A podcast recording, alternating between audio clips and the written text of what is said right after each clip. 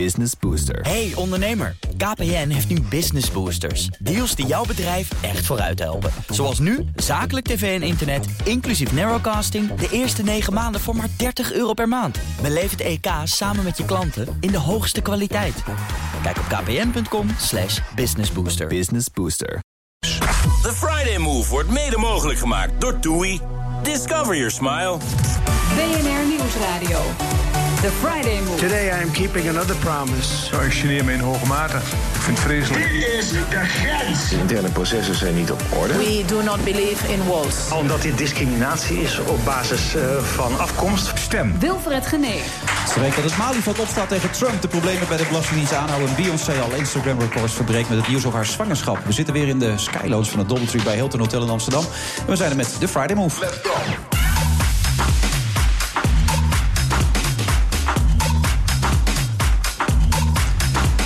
Jasmina Abu Taleb, Marokkaanse Nederlander, dochter van feministe, uh, journalist en columniste. Ze is het allemaal en tot de klok van half zeven is ze mijn co-host. Nederlandse springpaarden behoren tot de wereldtop. Hun zaten zijn ook goud waard. Journalist Annette van Tricht maakt er een documentaire over. Gouden genen. En Guido Weijers wil mensen gelukkig maken. En dat mag geen feel good worden, heeft hij me net verteld. Dat wordt wat.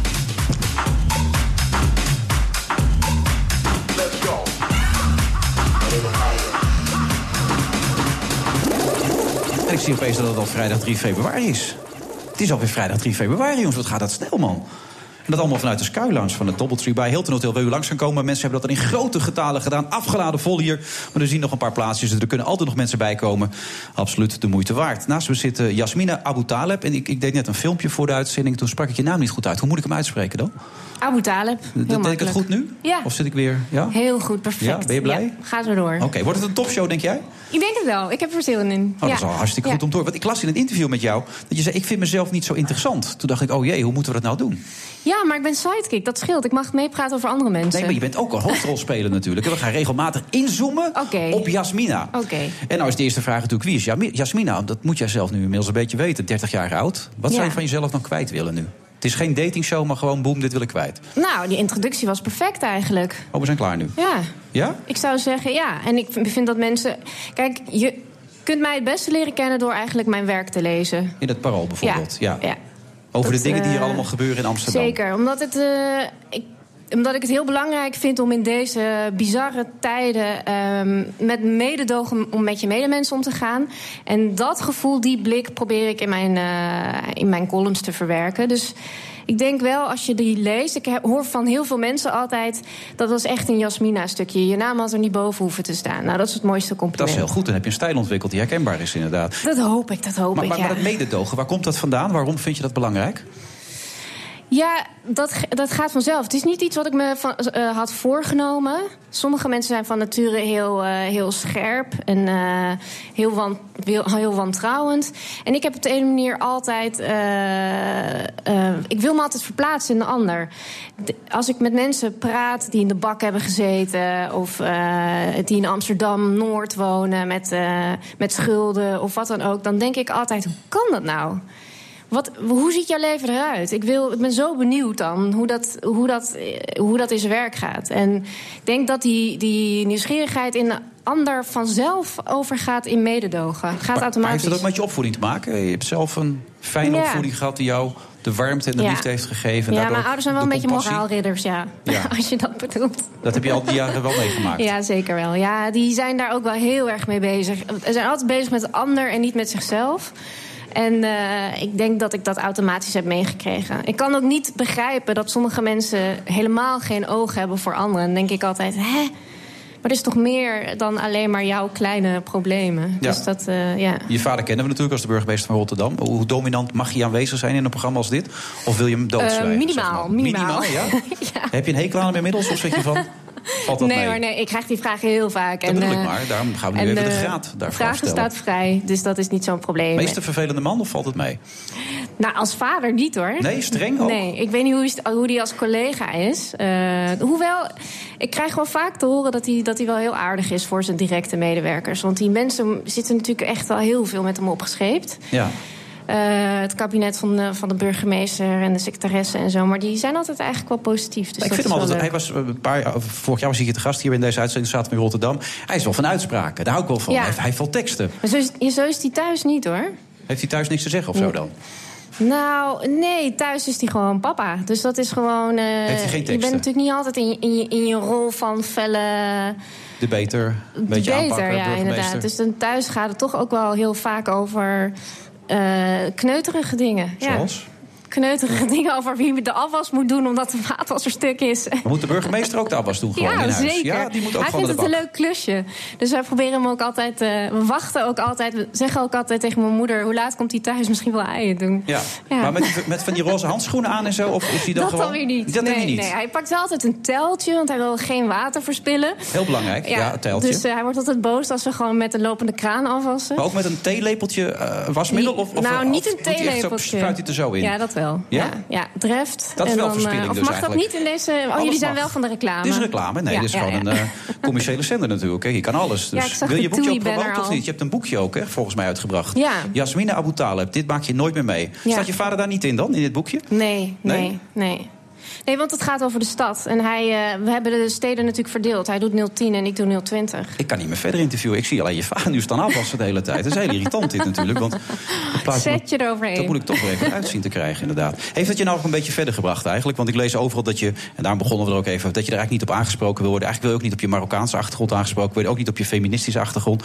Maar eh, het heeft je toch ook wel een beetje verder geholpen, deze Nou, factoren, aangesproken is wat anders dan eh, er een half uur over dooremmeren. Ja. Kijk, je Ben ik nu al aan het emmeren? het is, kijk, Ik, ik emmer pas na een half uur meestal, maar ik zit nu al in de emmerfase. Maar ga door, ja? Nee, kijk, ik vind het helemaal niet erg als mensen nieuwsgierig zijn. Want dat ben ik zelf natuurlijk ook. Ja, absoluut. Dus eh, vragen staat vrij. Dat is helemaal geen probleem.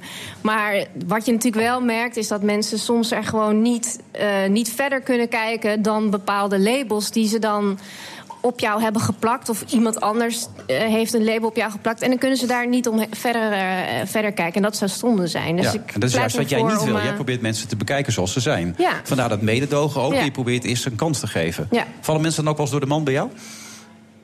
Ehm, en wat bedoel je daar wel mee? Nou ja, dat ze toch minder leuk blijken te zijn dan jij in eerste instantie verwacht. Want je hebt in eerste instantie altijd het goede gevoel bij mensen. Eh, zeker, dat gebeurt wel eens. Ja, Je zei trouwens, ik ben heel herkenbaar, maar je brengt jezelf niet in in die stukjes volgens mij, toch? heel weinig. Je probeert Soms vooral wel. de zaak te beschrijven, wat je ziet, toch? Of, ja. of- ja, soms. eh, ik, ik kom er alleen in voor als ik denk van. Eh, het is noodzakelijk. Ik moet even de aangever van het verhaal zijn. Of als er een dialoog heeft plaatsgevonden met mij, dan kan ik mezelf er natuurlijk niet uitschrijven. Nee. Als dat noodzakelijk is, dan zet ik mezelf er ook wel in. En soms overkomen mij persoonlijk gekke dingen die de moeite waard zijn om te vertellen. Ehm, ik had bijvoorbeeld maandag een, eh, een auto-ongeluk. Oh. Ja, dat heeft mijn hele week gedomineerd. Dus dan Maar, moet ik. vertel, dit wat is er gebeurd? staat er vandaag in. Staat oh, maar ik heb hem nog niet gelezen. Wat is er gebeurd dan? Vertel, vertel. We zijn in Ehm, verslag. We zien mensen, al het publiek is verslag gelijk. Ik leef nog, dus Ja. ik kan er nog verslag van doen. Je leeft nog, ja. Maar, nee, het was best heftig. Ik weet niet, het verkeer in Whiplash? Amsterdam... Nee, toch hoop ik, hè? Nee, nee. Oh, nee wel schrammen en een lichte kneuzing. Maar, en blauwe plekken. Maar Oh, het verkeer in Amsterdam is hels. En eh, er, er kwam een... eh, Ja, die vriendin van jou die 70 was, die wilde met de tram, hè? Die wilde niet meer op de fiets ja, bijvoorbeeld. ja. Maar ga Nee, door, er kwam is, wat aan. Dat is een beetje hoe Amsterdam... eh, ja, je, je ziet het hier vanuit onze plek al. Hoe Prachtig hectisch het is. Alles ligt open. Het is echt een jungle. Het is echt een jungle als je zo kijkt ook. En dan zelfs als je gewoon door groen rijdt, Oeh, zoals er ik gaat er deed... even iets mis daar aan de overkant. Dat, oh, dat ging net Nee, goed. toch? Jawel, daar, nee, aan de overkant op die gracht daar. Nee. Jongen, dat scheelde Dan niks. moeten we in actie komen. Dan kunnen we hier niet blijven Maar wat zitten. gebeurde er eigenlijk?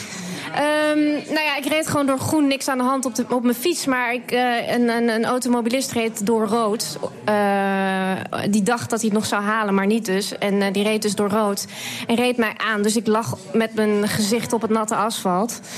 En dat bleek een Fransman te zijn. Maar als iemand nog wil halen, rijdt hij ook heel hard. Dan kan ja, hij reed heel aflopen. hard. Ja, hij reed echt heel hard. Ik had echt heel veel pijn. En, eh, maar genoeg, ja, alles deed het nog, gelukkig. Dus dat is eh Zo, nee, met ik, de ik, schrik zit dat boek Tonio te lezen van AFT van Heijden. Dat is Ja, exact nou, hetzelfde ongeluk Precies, eigenlijk dat is het eerste wat ik dacht. Jonge mensen die sterven in het verkeer. Ik ben de zoveelste, dacht ik. Je lacht er gelukkig wel om, maar... Ja, maar ik lag ook op de grond helemaal in shock. Maar gek genoeg dacht ik heel snel daarna... en dat is weer de journalist in mij... Yes, ik heb een column. Nee. Ja, verschrikkelijk, Dat is niet goed hè? dit, hoor. Dit Ja, is een beetje deformatie, dit. Dus je dacht, nou, alles doet het nog en nu gelijk aan het schrijven. Verschrikkelijk. Dat is wel gevaarlijk. Ja. Eh, ja, dat is niet gezond. Dus ik moet wel een beetje oppassen. Maar dat heb je altijd dus. Als je met je, ik weet niet of je een relatie hebt of dat je met je vrienden bent, dan heb je het dus altijd. Ik, ik kan nooit normaal ergens in een winkel staan of met iemand praten zonder te denken: is dit een stukje? Ja, het is, gaat automatisch. Verschrikkelijk. Dat is Ja. helemaal niet leuk. Nee. Lijkt mij. Nee, dat moet wel wat minder. Je Ja. hebt gelijk. Maar je hebt je column nu al geschreven, dus het kan vandaag niet gebeuren? Eh, wat zeg het je? Stel, Guido Weijers kan bijvoorbeeld, denk je opeens, een leuke column. Ja, dat zou best kunnen. Nou, heb je dat. Dus al Ja. die mensen die nu aanschuiven, die moeten bang zijn voor een column nu. Ja, maar ja, goed, het wordt live uitgezonden, dus dat lijkt me niet zo'n probleem. Nee. Nou ja, ja je moet Wie is de volgende? Ik heb geen flauw idee. Ik heb net een draaiboek gekregen, dus ik weet echt niet wat ik hier aan het doen ben. Heel gezegd. Dat, eh, Oh, Jaap Jansen komt zo meteen. Nou, hij Oh staat ja, er al zelfs. Goed man, Jaap. Leuk. Dat je, je, je gaat nu toch niet wat zeggen, Jaap, of wel? Nee, je microfoon staat dicht. Ze hebben een andere microfoon opengezet. Hey, nee, ja, wat wil je zeggen, Jaap? Er is nieuws. De Nu al? kiesraad die zou eh, enkele minuten nieuws. geleden bekend hebben gemaakt... welke partijen er aan de verkiezingen gaan meedoen van 15 maart. Ja? Maar dat is niet gebeurd. Want er waren zoveel fouten gemaakt bij het inleveren van de stukken. Dat bleek eigenlijk afgelopen maandag al. Slechts bij 12 van de 31 partijen die definitief besloten mee te doen... waren de stukken in orde. Ze moesten zoveel papieren extra aanleveren... met handtekeningen, met andere informatie... dat de kiesraad nog steeds al die papieren aan het controleren is. Dus hun deadline... eh, Hebben ze niet gehaald? Die hebben ze niet gehaald. En het is de vraag of ze er vandaag nog mee komen. Maar eh, dan hebben we ook niks meer te bespreken met jou zo meteen na de reclame. Altijd genoeg te bespreken. Oh, dat nog wel. In ieder geval één dingetje wat je, wat je zou kunnen afvragen... van passen alle partijen die mee willen doen wel op het stembiljet? Iemand een dit even vasthouden, Jaap? Of we moeten zo meteen met jou praten pas? En dat kan ik alvast zeggen, de partijen passen erop. Want er hebben eh, zich 32 gewoon door. partijen aangemeld. Wat gebeurt hier? Die worden nu dus allemaal gecheckt.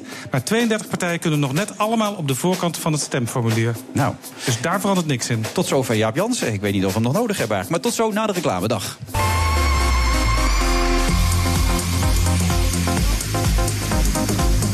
U luistert naar de Friday Move vrijdag. eh, het is alweer 3 februari. Wist u dat, jongens? 3 februari is het alweer 2017. En eh, Jaap Jansen, jij dacht dat ik een grap maakte. Maar ik heb hier echt in mijn draaiboek staan. Jaap Jansen na de reclame is gewoon acht minuten voor ingeruimd. Je hebt alles al verteld. Maar eh, gelukkig zei Jasmina in de reclame heel iets belangrijks. Jasmina, Nou, je hebt bijna alles verteld, want ik ben wel benieuwd dan of we nu niet in de problemen komen. komen we in een probleem, Jaap? Nee, want die verkiezingen Oh. die zijn pas over zes weken. Dus Jaap. is nog alle tijd. Oh. Oké. Nee, maar het is toch wel opmerkelijk dit? Of, of is het wel eens vaker voorgekomen? Of is het omdat het nu zo groot en Nee, wat ik is? me in mijn herinnering kan ik dit niet meer terughalen. Dus ik denk dat dit voor het eerst is. Eh, er is natuurlijk ook heel veel druk nu van nieuwe partijen die mee willen doen. Eh, de- overigens, de angst was een klein beetje in Den Haag dat er wel, straks wel meer dan 80 partijen mee zullen doen. Maar dat is dus niet zo. Want Nee. maandag bleek uiteindelijk hebben 32 partijen besloten wij willen wel meedoen. Sylvana ook, begrijp ik, hè? Sylvana Simons, artikel Ja. 1, gaat ook meedoen. Maar de, de meeste van die partijen die hebben dus hun spullen nog, hadden nog niet op orde. En dat Maar wilden ze vandaag heeft regelen. gezien dat zij het inleverde. Dus het niet alle provincies Nee, maar die spullen worden dan wel gecheckt. Ja, Eh, zo'n be- stapel bijvoorbeeld bij het ook CDA bleek eh, een aantal eh, niemand. handtekeningen niet in orde. Wat heel opmerkelijk is natuurlijk voor het CDA-partij die al zo lang bestaat.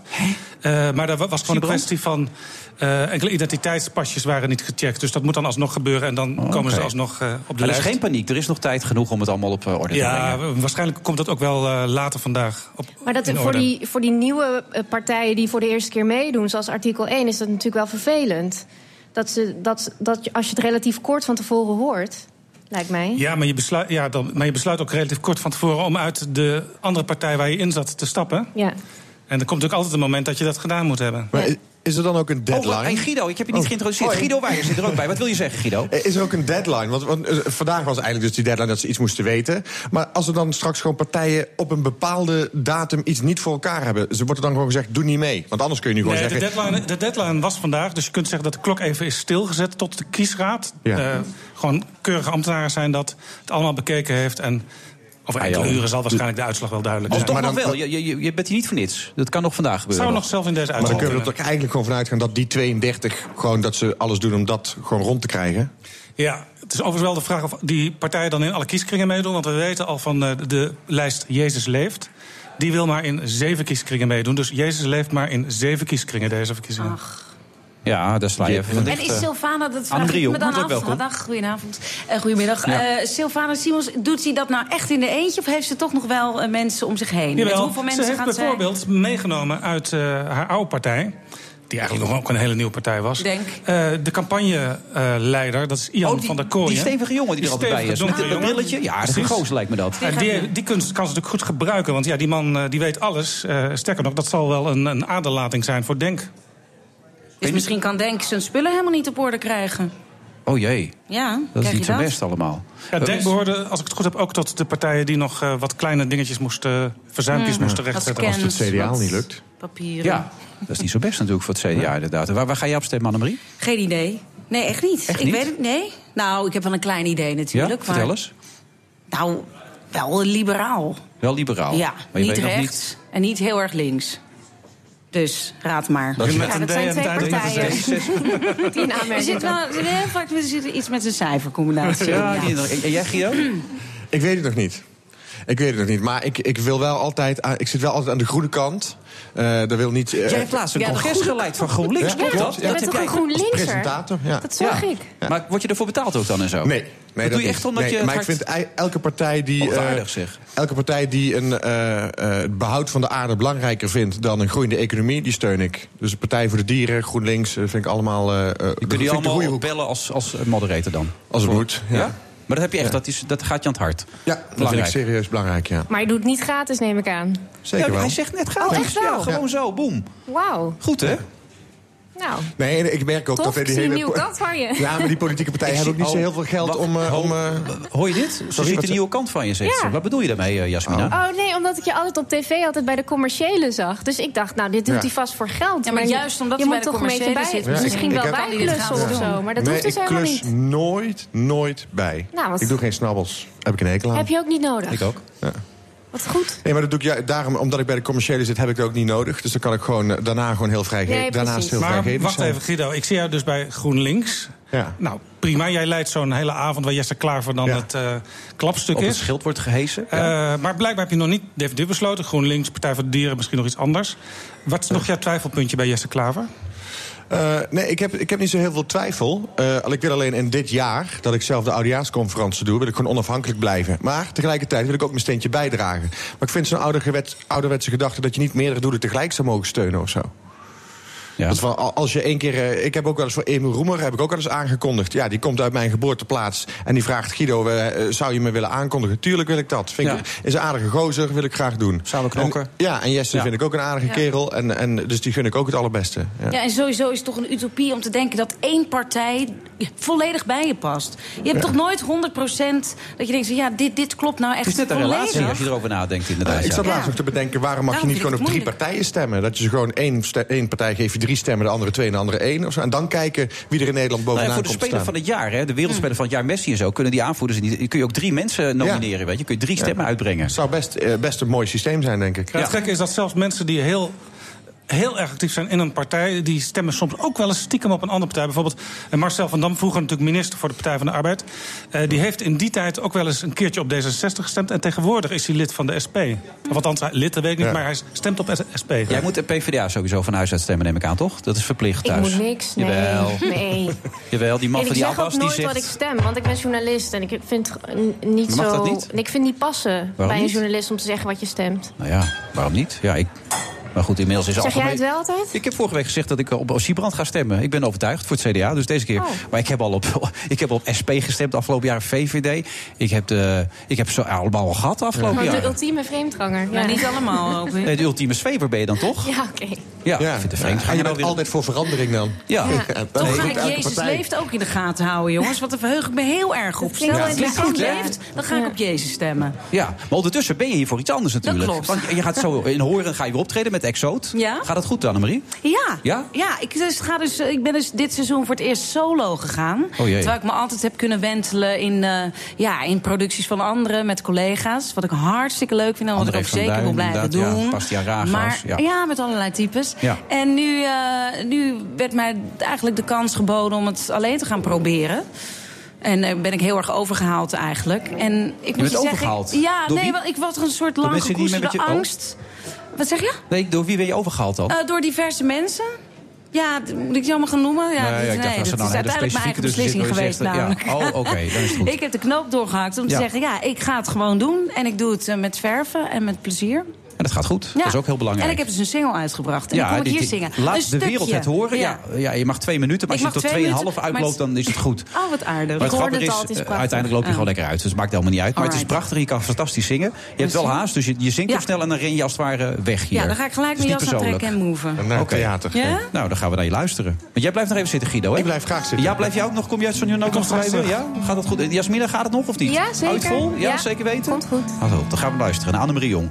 Je houdt je mooiste stuk verborgen, is daar echt wat je wil? Bang voor het stiekem gefluister of hysterische gegil. Maar in een grimmig koor maakt één stem soms een wereld van verschil. Hou je niet in en blijf niet stil. Waarom wordt ieder vuur dat woedt daar binnen in de kiem gesmoord? Krijgen stemmen uit je kindertijd nog steeds het laatste woord? Jouw lach kan schaduwen verjagen, maar dan moet hij wel gehoord. Hou je niet in, zeg het hardop,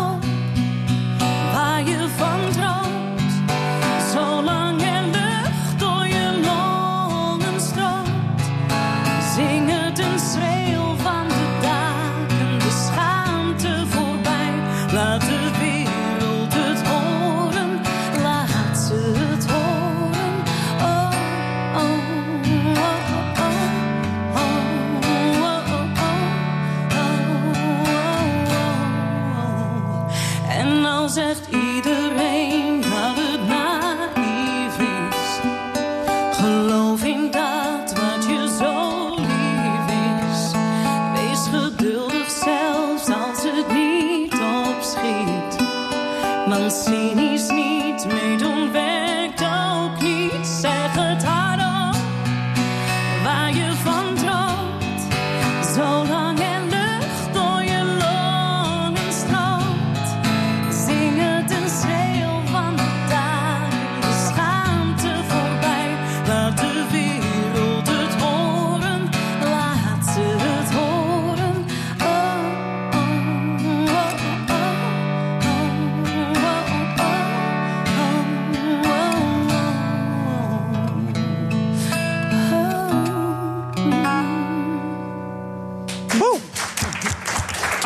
dames en heren. Vanavond in Horen. Wat een prachtig liedje, zeg. Laat de wereld het horen, Annemarie. Echt schitterend. Ja, nou, dat dat moet je zeker doen. En Vanavond in Horen. Kun je er nog bij of is het helemaal afgeladen? Eh, ik weet niet hoe laat het nu is. Nee, nee of, Ik moet echt weg. of er nog mensen vanavond bij kunnen in Horen. Er, komen nog, er kunnen nog mensen bij. Oh, ja. bij- bij deze in, dan. eh, in eh, het park. Het park. het park. Zo heet het. Ja, het water, hè? Ja. Prachtig theater is dat. Ja, kent het. Ja. Er is geen rechte hoek in te vinden. Maar die heb je niet nodig, heb ik wel door. Annemarie Jong, ze gaat snel van tussen. Wij gaan er even door in deze uitzending. Zometeen Guido Weijers, die is blij en die is zo blij. Boekje waar je blij van wordt, heeft hij meegebracht. Niet voor azijnzeikers, dat u het vast weet. Tot zo. BNR Nieuwsradio. The Friday Move. Today I am keeping another promise. En dat stelt me teleur. Dit is de grens. Omdat dit discriminatie is op basis eh, van afkomst. Voorzitter, ik ga ervan uit dat de staatssecretaris het leest. Je know, kijk raar. Wat? Wilfred Genee. Annette van Tricht, Pieter Koblenz en Paul de Munnik zijn nog de gasten in deze uitzending van de Friday Move. En zij zitten tot half zeven. Jasmina Abu Taleb.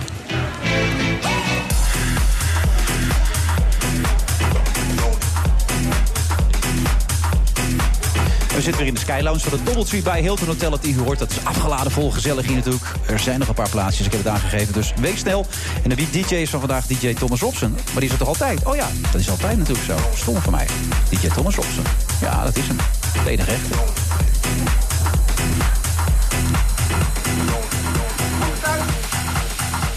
Ja, ik even de man... Nou, dat maakt het allemaal niet uit. Daar snapt u allemaal niks van. Naast mij inmiddels nog steeds Guido Weijers. Ook nog Jasmina Abu Talib. En Jasmina, ik ben toch een beetje teleurgesteld in je. Waarom? Ik moet eerlijk daarin zijn. Ik lees al die interviews met je. Het zijn er nog niet zoveel. Maar waarin, zeg, waar jij zegt van... ik hou er niet van om in een hokje gestopt te worden... en om andere mensen in een hokje te stoppen. En wat doe je met Guido? Wat deed je net met Guido? Gewoon in een hokje gestopt. Hij werkt bij de commerciële. En je bent verbaasd als hij voor niks ergens staat te werken. Dat is een nee, hokje, hè? ik- nee, maar ik dat was is een hokje. positief verbaasd. Maar, maar dat maakt toch niet uit? Ik bedoel, Nee, je hebt hem ik daarbij heb- toch ge- geframed als zijnde commercieel. En ja, dus heel misschien verbaasd. wel, hè? Ja, dat was een hokje. Misschien wel. Heb je het zo ervaren, Guido, of niet? Nou, ik, ik voel, ja, tuurlijk voel je dan meteen weerstand. Denk je, ja, ik doe hartstikke veel voor goede doelen. En, eh, maar ja, dat is blijkbaar het beeld wat mensen hebben als je ergens... Ik heb trouwens ook gewoon bij de VARA en bij de KRO gezeten. Maar dat, uh, SBS6 ook nog. Ja, we gezeten inderdaad, ja. Ik, ik vind het altijd zo ouderwets om te zeggen... je moet ergens in één hokje of zo. Ik, ik ga gewoon Nee, mijn eigen daarom. weg. En het is helemaal niet Jasmina eigen. Die, die ziet altijd het glas half vol. Die probeert altijd de goede dingen, mededoog te Ja, hebben. maar dat was ook niet negatief. Ik dacht gewoon, Nou. als je zoiets aan elkaar praat, dan krijg je daar geld voor. Ja, politieke partijen hebben helemaal geen geld om, om eh, hele, hele eh, mensen echt in te huren en zo, volgens mij. Nee. Of ik word ontzettend genaaid. Maar het is ook geen zonde om geld te verdienen, toch? Sinds wanneer is dat een zonde? Wat zei je? Het is toch ook geen zonde om geld te verdienen? Oh nee, helemaal niet. Ik vind ook geen vies woord Nee. of zo. Nee, maar Nee. af en toe draag ik wat bij. Wil je Eh, rijk worden ook als het aan jou ligt? Nee, nee. Dat is geen streven op zich. Nee, anders was ik geen journalist geworden. En al helemaal geen freelance journalist. Nou ja, je weet Nee. niet. Misschien komen er wel verborgen. Je wilt toch ook presentatrice worden enzovoort? Misschien komen er straks wel commerciële zenders naar je toe die zeggen: die moeten we Wie hebben. weet, wie en die weet. gaan goed betalen En dan. dat ik dan voor Ruud de Wild bedragen rondga. Ja. Stiekem droom je ervan. cool zijn, ja. zie je wel. We hebben een boekje voor ons liggen. Boekje waar je blij van wordt. Niet voor azijnzeikers. Guido, wat is je missie? Ja, eh, met dat boekje wil ik mensen blij maken natuurlijk. Het moet ook echt een boekje zijn waar je blij van wordt. Een soort eh, cadeauboekje is het, hè? Een klein formaat. En, eh, maar er staan weer heel veel teksten in die... eh, eh, dus ook, ook wetenschap. Dus het is eigenlijk eh, een boekje wa- wat je in twee uur uit hebt.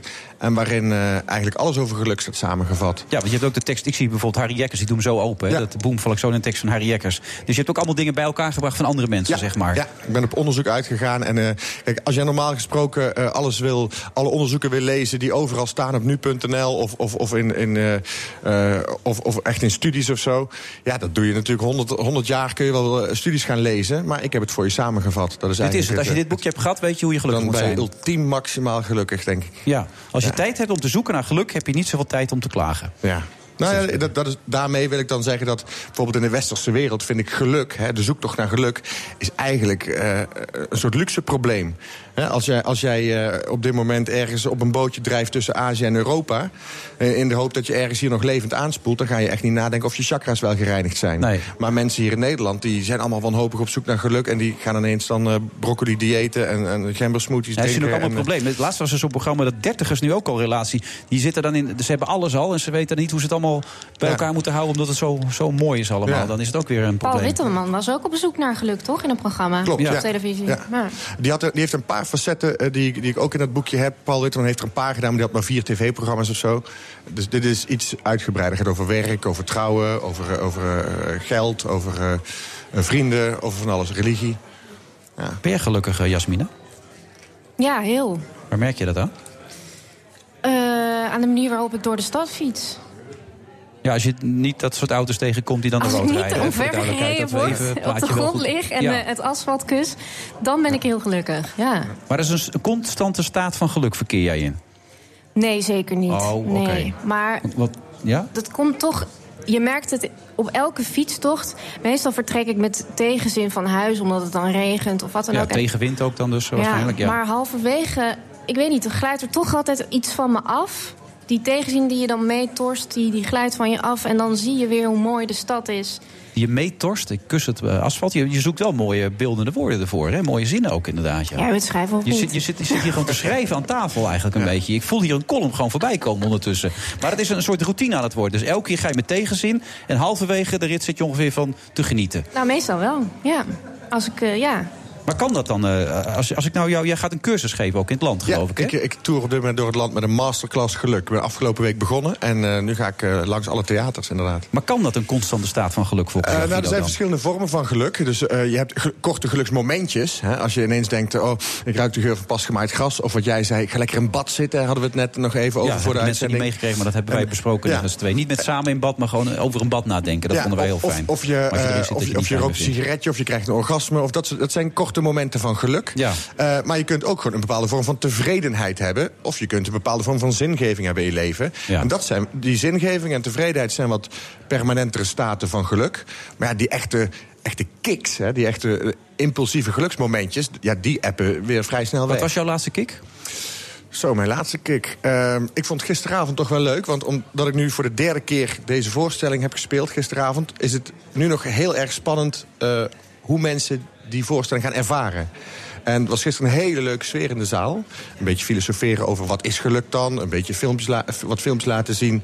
Eh, en en eh, ja, het is echt stoeien met de zaal. Het is dus Eh, niet echt een cabaretprogramma. Het is echt veel meer gebaseerd op het zeg maar, onderrichten van mensen... en het helpen van Ja, mensen bij. is, eigenlijk is het zoals eh Freek Vonk praat over dieren... en zoals André Kuipers praat over de ruimte. Ja. Zo geef ik op dit moment een soort theatercollege over het onderwerp geluk. En waarom vind je jezelf deskundig op dat gebied dan? Eh, nou ja, ten eerste ben ik zelf gewoon heel erg gelukkig. Ja, dat is wel een voorwaarde, Dat is- lijkt mij. dat is- ja, Ja. Nou, tegelijkertijd zijn er ook heel veel mensen die, ge- die hebben, zijn eerst heel depressief geweest... en die zien daarna het licht en die gaan dan juist vertellen over hoe je gelukkig Ja, moet zijn. Die kant heb jij nooit meegemaakt. Ik ben nooit depressief geweest. Wat, en en eh, ik- ben altijd gelukkig geweest, wat heel gek is... want ik heb geen personal coach en, en ik, eh, ik volg geen... eh, ik reinig mijn chakra's niet en, Nee. en ik heb nog nooit de loterij gewonnen. Maar toch ben ik gelukkig. Dus het is een wat eigen ervaring, wat filosofie. Maar ik heb ook lessen gevolgd op de Erasmus Universiteit in Rotterdam... eh, in geluk. Daar kun je gewoon ook gewoon, Ja, ja? de masterclass geluk, grondslagen van geluk... het rendement van geluk, hoe je dat moet toepassen in bedrijven of zo. En ik ben naar Bhutan geweest om, eh, om daar eh, het bruto nationaal geluk eh, te onderzoeken. Dus eh, ik heb me gewoon goed ingelezen. Zou je er naartoe willen als je dit zo hoort, Jasmina? Nou ja, ik, ik, ik vroeg me al af, kun je een voorbeeld geven van een tip of zo? Of iets wat, zodat Iets ik het uit een het beetje boekje voor me, gewoon. voor me zie van wat je me dan vertelt. Wat, Eh, ik, wat ik kan doen. Ja, ehm, nou, ik zou zeggen, als je nou al weet dat je elke dag met tegenzin de fiets op gaat... en dat het halverwege leuk wordt... kun je eigenlijk net zo goed gewoon beter ja, al vol goede moed de fiets opstappen, toch?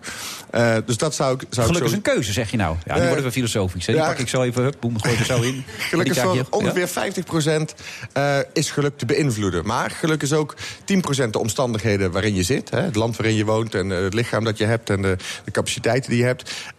Is voor ongeveer 36 tot 40% is dat eh, puur genen. Hoeveel Mhm. stofjes maak je aan? Eh, serotonine, dopamine. Hoeveel, hoe, hoe gelukkig kun je worden? Maar ongeveer 50% gewoon wat je denkt en wat je doet... en, en hoe je handelt. Je houding. Maar die Ja. bijna 50 procent, al die mensen die er buiten zijn... die dus die stofjes niet zo goed hebben, althans die niet zo goed functioneren... die hebben al, dus al geen aanleg om zo gelukkig te zijn als Nee, jij kan zijn. Nou ja, depressie bijvoorbeeld is ook gewoon, ja, dat is gewoon een genetische aanleg. Ja. Die, ja, sommige, Maar hebben die wat aan die cursus, die mensen? Of kunnen ze zich dan eromheen Ja, kijk, je kunt, natuurlijk, je maken? kunt natuurlijk altijd van een 4 en 5 maken of van, een- van een 8 en 9. En dat is ook wat ik, wat ik in het theater probeer te doen. Ik meet ook vooraf als het publiek binnenkomt, meten we hoe gelukkig de zaal op dat moment is. Aan de hand waarvan meet? Hoe meet je dat dan? Net zoals we het over de rest van de wereld eh, ook meten. Eh, we hebben gewoon één vraag en iedereen gaat op zijn telefoontje een cijfer invullen. En aan het eind van de avond doen we dat weer. En we, we stellen twee verschillende vragen. Geluk op korte termijn en geluk op lange termijn. En aan het eind van de avond blijkt dus dat mijn publiek tot nu toe... hè, ik heb hem pas drie keer gespeeld... Ja. Dus, maar tot nu toe gaan mensen wel gelukkiger naar huis. Dat is En wel... scheelt dat veel of zit het er dicht tegenaan? Ja, er zit een, een, eh, een halve punt verschil in eh, soms. En dat, en dat eh, lijkt niet zoveel, hè, van een 7,5 naar een 8. Maar als je weet dat, dat de, de hele top 20 of zo van gelukkigste landen... Ja, dit- daar zit maar eh, 0,04 Wij staan eh, verschil top 10, in of hè, toch? Als Wij staan op nummer 7, ja. Ja, nou, dat is niet slecht. Maar denk je dat mensen dan eerlijk zijn ook op zo'n moment... als ze hun eigen geluksniveau invullen? Het is anoniem, dus in principe zouden Ja? ze gewoon eh, eerlijk mogen zijn. Ja. Maar hoeveel mensen zijn eerlijk tegen zichzelf ook, in dat opzicht? Ja, maar dan, dan zouden ze twee keer niet eerlijk zijn, want we meten het twee keer. Dus als er maar een stijging in zit, vind ik het goed. Ja. Maar hebben we dit nodig in Nederland? Jasmina, als je dit zo Nou wij Nederlanders, kunnen we het gebruiken? noemde net dat, eh, dat getal. Nederlanders geven zichzelf een heel hoog cijfer over het algemeen. En eh, onze kinderen zijn het meest gelukkig eh, van alle kinderen in de wereld. Maar we zijn tegelijkertijd met heel, meer, misschien wel meer dan ooit op zoek naar geluk. Hoe rijm je dat dan met elkaar? We zijn gelukkig, maar toch ook weer niet, want Ja. bij jou zit de zaal vol. Ja, ja nou, het, het is, het is, eh, mensen zijn soms heel erg gelukkig, maar klagen heel veel. Bedoel ja, je dat dat? kunnen wij heel goed, ja. Ja, ik denk dat je dat bedoelt, toch? Ja. ja dat, dat, kijk, als iemand bijvoorbeeld... ehm, eh, iemand die werkloos is, die kan zijn leven op dat moment een vier geven. Want die denkt, ik zit de hele dag thuis. Ik heb, mijn leven is op dit moment minder, minder zinvol. Ehm, eh, ik verdien geen geld, ik heb schulden. Dus die kan zijn leven een vier geven. Maar als je die man vraagt op het moment dat zijn zoontje binnenkomt... hem een ijsje geeft en de zon schijnt door de ramen... hoe gelukkig voel je je op dit moment? Dan kan hij misschien wel zeggen een negen. Zo zijn er, ja, ik doe daar normaal gesproken 2 euro voor om dat Ja, een beetje duidelijk nee, dat begrijp ik ook inderdaad. Maar, maar, maar En- zo, en- zo, eh, zijn er zoveel vormen van geluk. Het is heel interessant om over te praten. Maar hebben we die voorstelling nog nodig, Guido, als we het boekje kopen? Om het even een beetje commercieel te maken Eh, nou, het, het is- een, het is een aanvulling op. hè. Dus in het boekje staan dingen die in de voorstelling niet, eh, niet gedaan worden. En in de voorstellingen doe ik filmpjes, doe ik dingen samen met het publiek.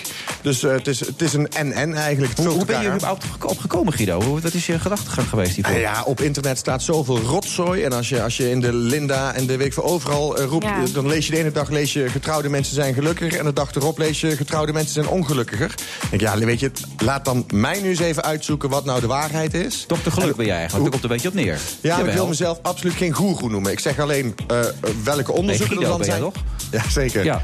Nee, maar ik wil alleen maar zeggen slechte grap was dat. hoe ik dan... Oh, sorry, die ging aan me voorbij. Ja, dat maakt niet uit, ja. Ehm, ik wil eigenlijk alleen maar zeggen welke onderzoeken er bestaan... en eh, af en toe wat tips meegeven over hoe je je geluk zou kunnen eh, vermenigvuldigen... of hoe je gelukkiger kunt worden. Ik vind het wel een mooi streven. Hè?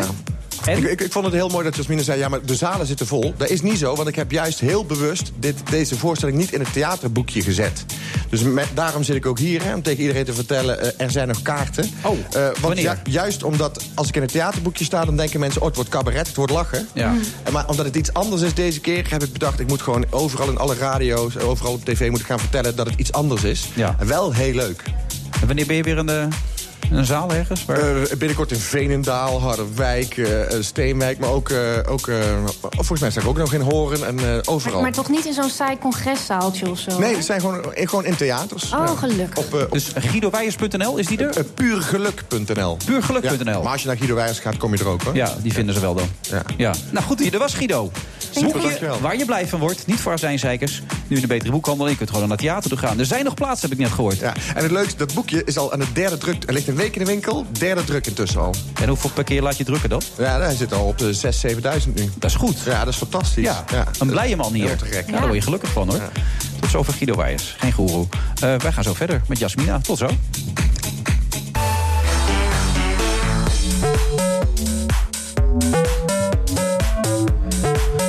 U luistert naar de Friday Move. Het is eh, vrijdag 3 februari. Het is al 3 februari. Joh. Het gaat, ik vind het echt ongelooflijk. Ik ben er echt van slag van dat het al 3 februari is. Maar het is echt al 3 februari. De tijd gaat zo snel.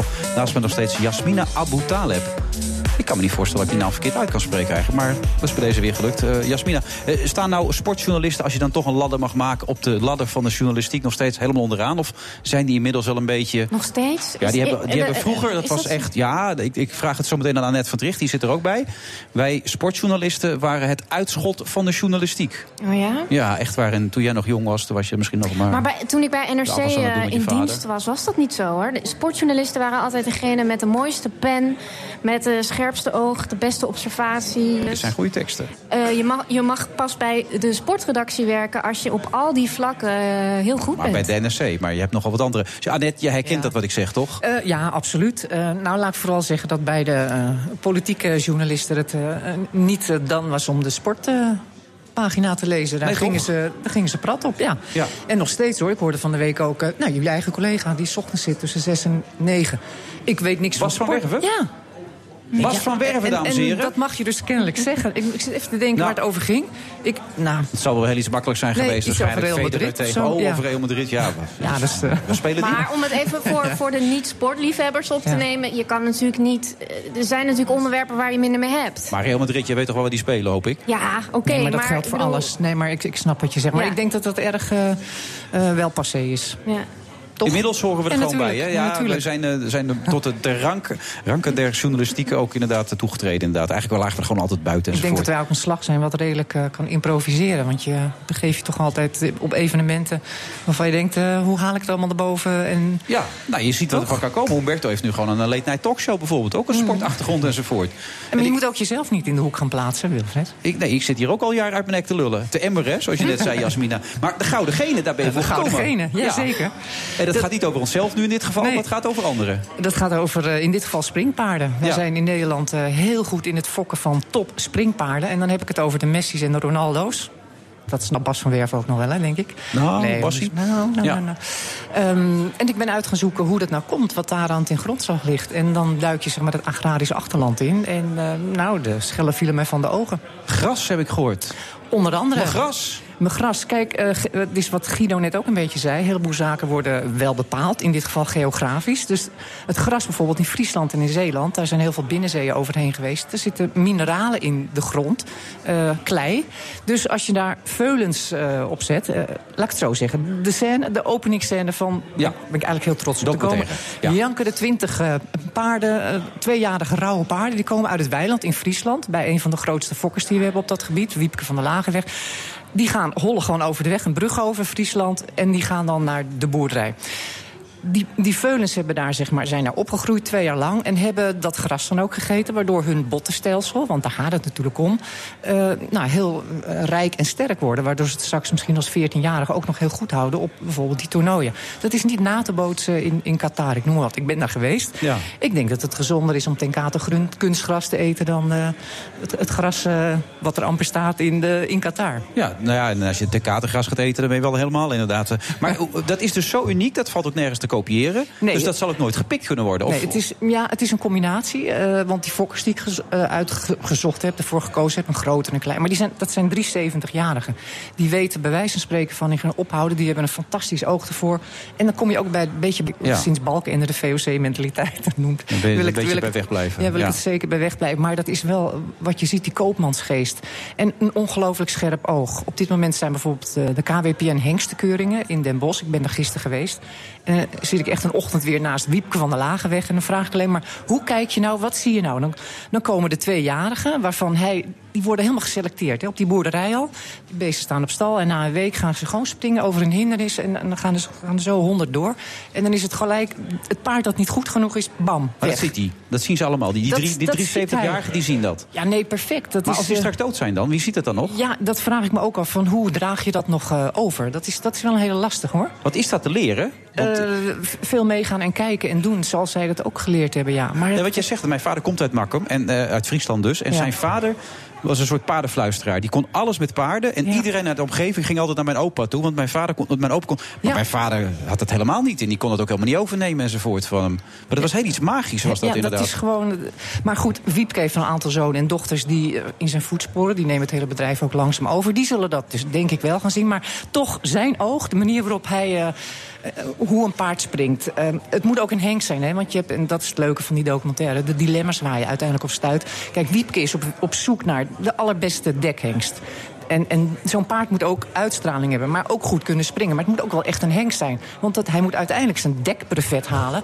En, moet- maar hij moet ook goed kunnen sporten. Gaat zo'n paard de sport in, en dan kom ik bij Big Star van die andere fokker... Geboren in de wei in Aken gewonnen. En die wint, ja, dat geluk moet je ook als maker dan weer hebben. Die, die wint de Olympische Spelen. Individuele springwedstrijd wint Big Star op de rug met Nick Skelton, een buitenlandse ruiter. Maar wel gefokt. Door Klaver uit Schorel.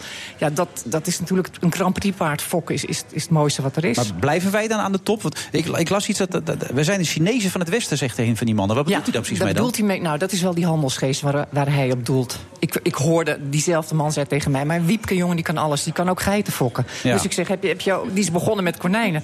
En hij zegt, ja, nou, ik heb gisteren nog 86 pinken gekocht. Die wordt ook door boeren gevraagd van, kom even langs.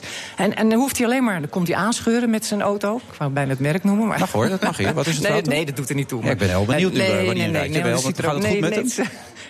Nee, Rijdt hij- niet dat soort auto's. Nee, Nee? nee, Oh, gewoon maar... Ben dat dus je wel denkt, benieuwd. 130 over de landweg. Zeg nou gewoon even hoe die auto heet. Nee, dat doet er niet toe. Oh, Dat vind is nou heel belangrijk. dit. Nou, Oké. je- Oh, je maar moeten kijken.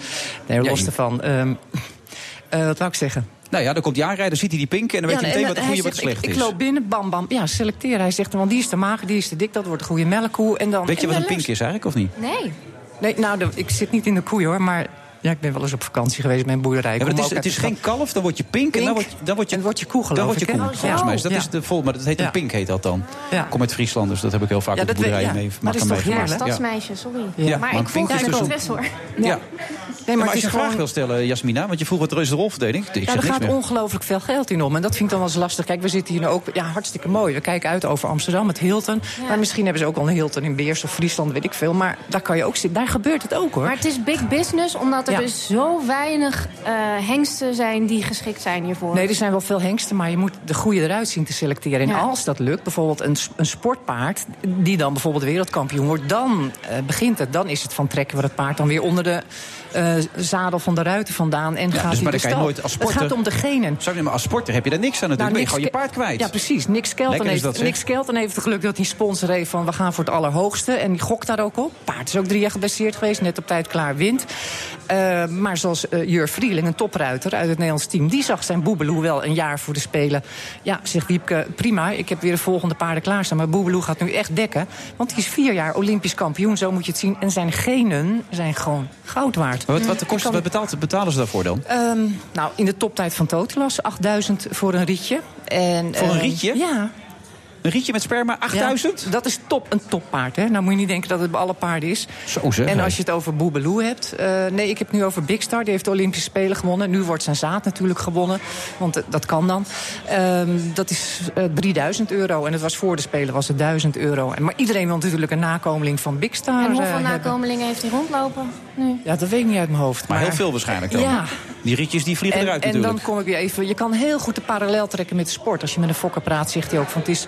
Eh, kijk, een Ronaldo of iedereen hoopt natuurlijk op die ene Pogba. Zo, Ja. zo is het. En ik, ik heb wel eens een keer de vergelijking gemaakt met Jan Mulder. Die heeft twee zonen. Nou, ik zei al, de een komt geen lantaarnpaal voorbij. Gerrit niet. Maar, nee, wel gezellig Gerrit ja, hoor. nou, oh, ja, die kun je erbij hebben Gerrit. Ja, gezellig man. Nou, dat bedoel ik. Maar, Marketje Gerrit hadden we maar toen. Judy kan je er ook bij hebben trouwens. Ja. Ja, die kunnen allebei wel Maar, feesten die inderdaad. kan, ja. maar die kan gewoon voetballen. Ja. Dus je, je weet het ook niet. Je kan wel zeggen, oh, volle broer van Big Star. Ja, het zal wel. Dat, weet- dat weet je Maar ik zit nog even met het probleem wat je zegt over die 370-jarigen. Ja. Dan zou het dus toch tijdelijk kunnen zijn. Dan zou het voorbij kunnen gaan, ondanks dat gras wat we hier hebben. Dat die mannen niet meer zien. Of, of, of vrees je dat niet? Ehm, Blijven wij de Chinezen van het Westen? de- Wiepke, ja, dat hoop ik wel. Ik hoop dat ze hun kennis over kunnen dragen. Ja. En dit heb je drie jaar gedaan, Annette? Nou, ik heb dat gevolgd, ja. ja. Maar nu is het klaar? Of ga je er Eh, nog... dit is nu al klaar, ja. Nou, ook omdat ik het geluk heb van een prachtige afronding op Big Star Olympisch kampioen. Ik ben weer naar Kees Klaver gegaan, de stuiterbal. En eh, nou, ik zal maar zeggen, de ruiter weet niet eens wie Kees Klaver is. Bij En wat ga je nu weer doen dan? Ik ben alweer met de volgende, twee volgende bezig. Bijna, helemaal geen radio Bijna meer? klaar. Ja, vind ik wel geweldig natuurlijk. Dat blijft, ik, ik, blijft, wil, ik, eh, ik ga even mijn ogen dicht doen. Ik ga er even luisteren naar net gewoon. Ja. Oh. Nee, maar dit is dus. Ik weet je, toen ik eh, jong was, zoals jij ongeveer, ik was jaar of 20, 28, 25, weet, je, toen ging ik altijd naar de discotheek toe en elke avond, vrijdagavond luisteren naar Annette De van. De stemband met Kees Schildwoord. En dat is, als ik haar stem hoor, overal als ik haar op de tv zie of op de radio, moet ik aan die tijd terugdenken. Oh, die stem neemt me altijd mee terug. Weet maar je wel? Dus- radiomaker, dat kan, je kan gewoon met de stapel binnen. Kees Schilpert zat Ja, daar, dat is al of niet helemaal dronken. En dat weet je ook. Dat je of ze gebit brak ja, het was een chaos was het. Het was fantastisch Maar mis was je het. niet dan? Ja, ik, dat wel, ja. Ja. Het, het blijft geweldig. Maar met zo'n stem medium. moet je toch gewoon op de radio zitten. Ja. Dan, dan hoor je gewoon elke dag op de radio te zitten. Als dan je moet nou een keer met vakantie worden. gaat, dan vervang ik je. Ja? Zullen nou, bij deze spreken we dat af inderdaad. Ja. Dan ga ik nooit op vakantie. Ja, nee, maar nee, we ik ook het wel af. nee, maar dat moet je weer gaan doen aan net, man. Is goed, jongen. Ik word er helemaal vrolijk van. Ik word er echt helemaal vrolijk van. Ik zit helemaal weer terug in die, in die Ford Escort van mijn moeder. Die Sowieso helemaal heel slecht van waren. Het was een Volvo trouwens. Oh, dat was wel een Volvo, waar Ja. die gozer in zat. Ja. Wiepke? Hard, jongen. Ja? Ja. Ja, altijd die Volvo. Nee, mijn moeder had een Ford Escort, maar de remmen werkten niet. Ja. En ik weet dat ik een paar keer voorbij ons huis ben geschoten. Maar dat maakt ook niet uit. Maar dan zaten we na- met mijn vriendin en ik, Lise, zaten we altijd naar de stemband te luisteren. Wat een geweldige tijd was dit. Wat moet ik met deze informatie? Maar ik, je moet weer radio gaan doen. En dit was heel mooi, zeggen ze. Ik ga hem Ja, bekijken. ga hem kijken. Ja. Hij, is, eh, hij, is, hij is op tournee bij de regionale omroep. En ik hoop dat hij ooit zijn weg nog vindt eh, bij de NPO. Ja. Ja. Dat verdient hij. Maar Vind ik ook.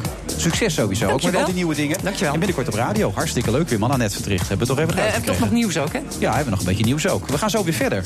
Waarmee weet ik niet. Maar, Dat niet we zo. Radio 4, hoor. Maar dat nee, terzijde. dit gewoon. BNR, man. Hartstikke leuk. Stemband. BNR Nieuwsradio. The Friday Move. Today I am keeping another promise. Ik geneer me in hoge mate. Ik vind het vreselijk. Dit is de grens. De interne processen zijn niet op orde. We do not believe in walls. Omdat dit discriminatie is op basis eh, van afkomst. Stem. Wilfred Genee. Met de Friday Move vanuit de Skylands voor het Doubletree bij Hilton Hotel in Amsterdam.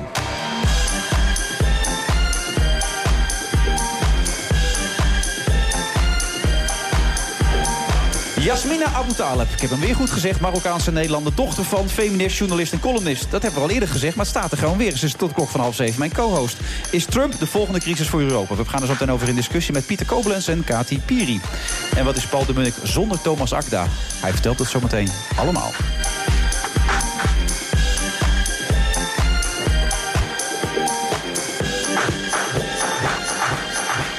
En naast me dus eh, Jasmina Talib, die gewoon een eigen website heeft ook, eh, Jasmina. Stoer, man. Zelf gemaakt. Ook nog gemaakt Ja, zelf. goed, hè? Ja. Ja.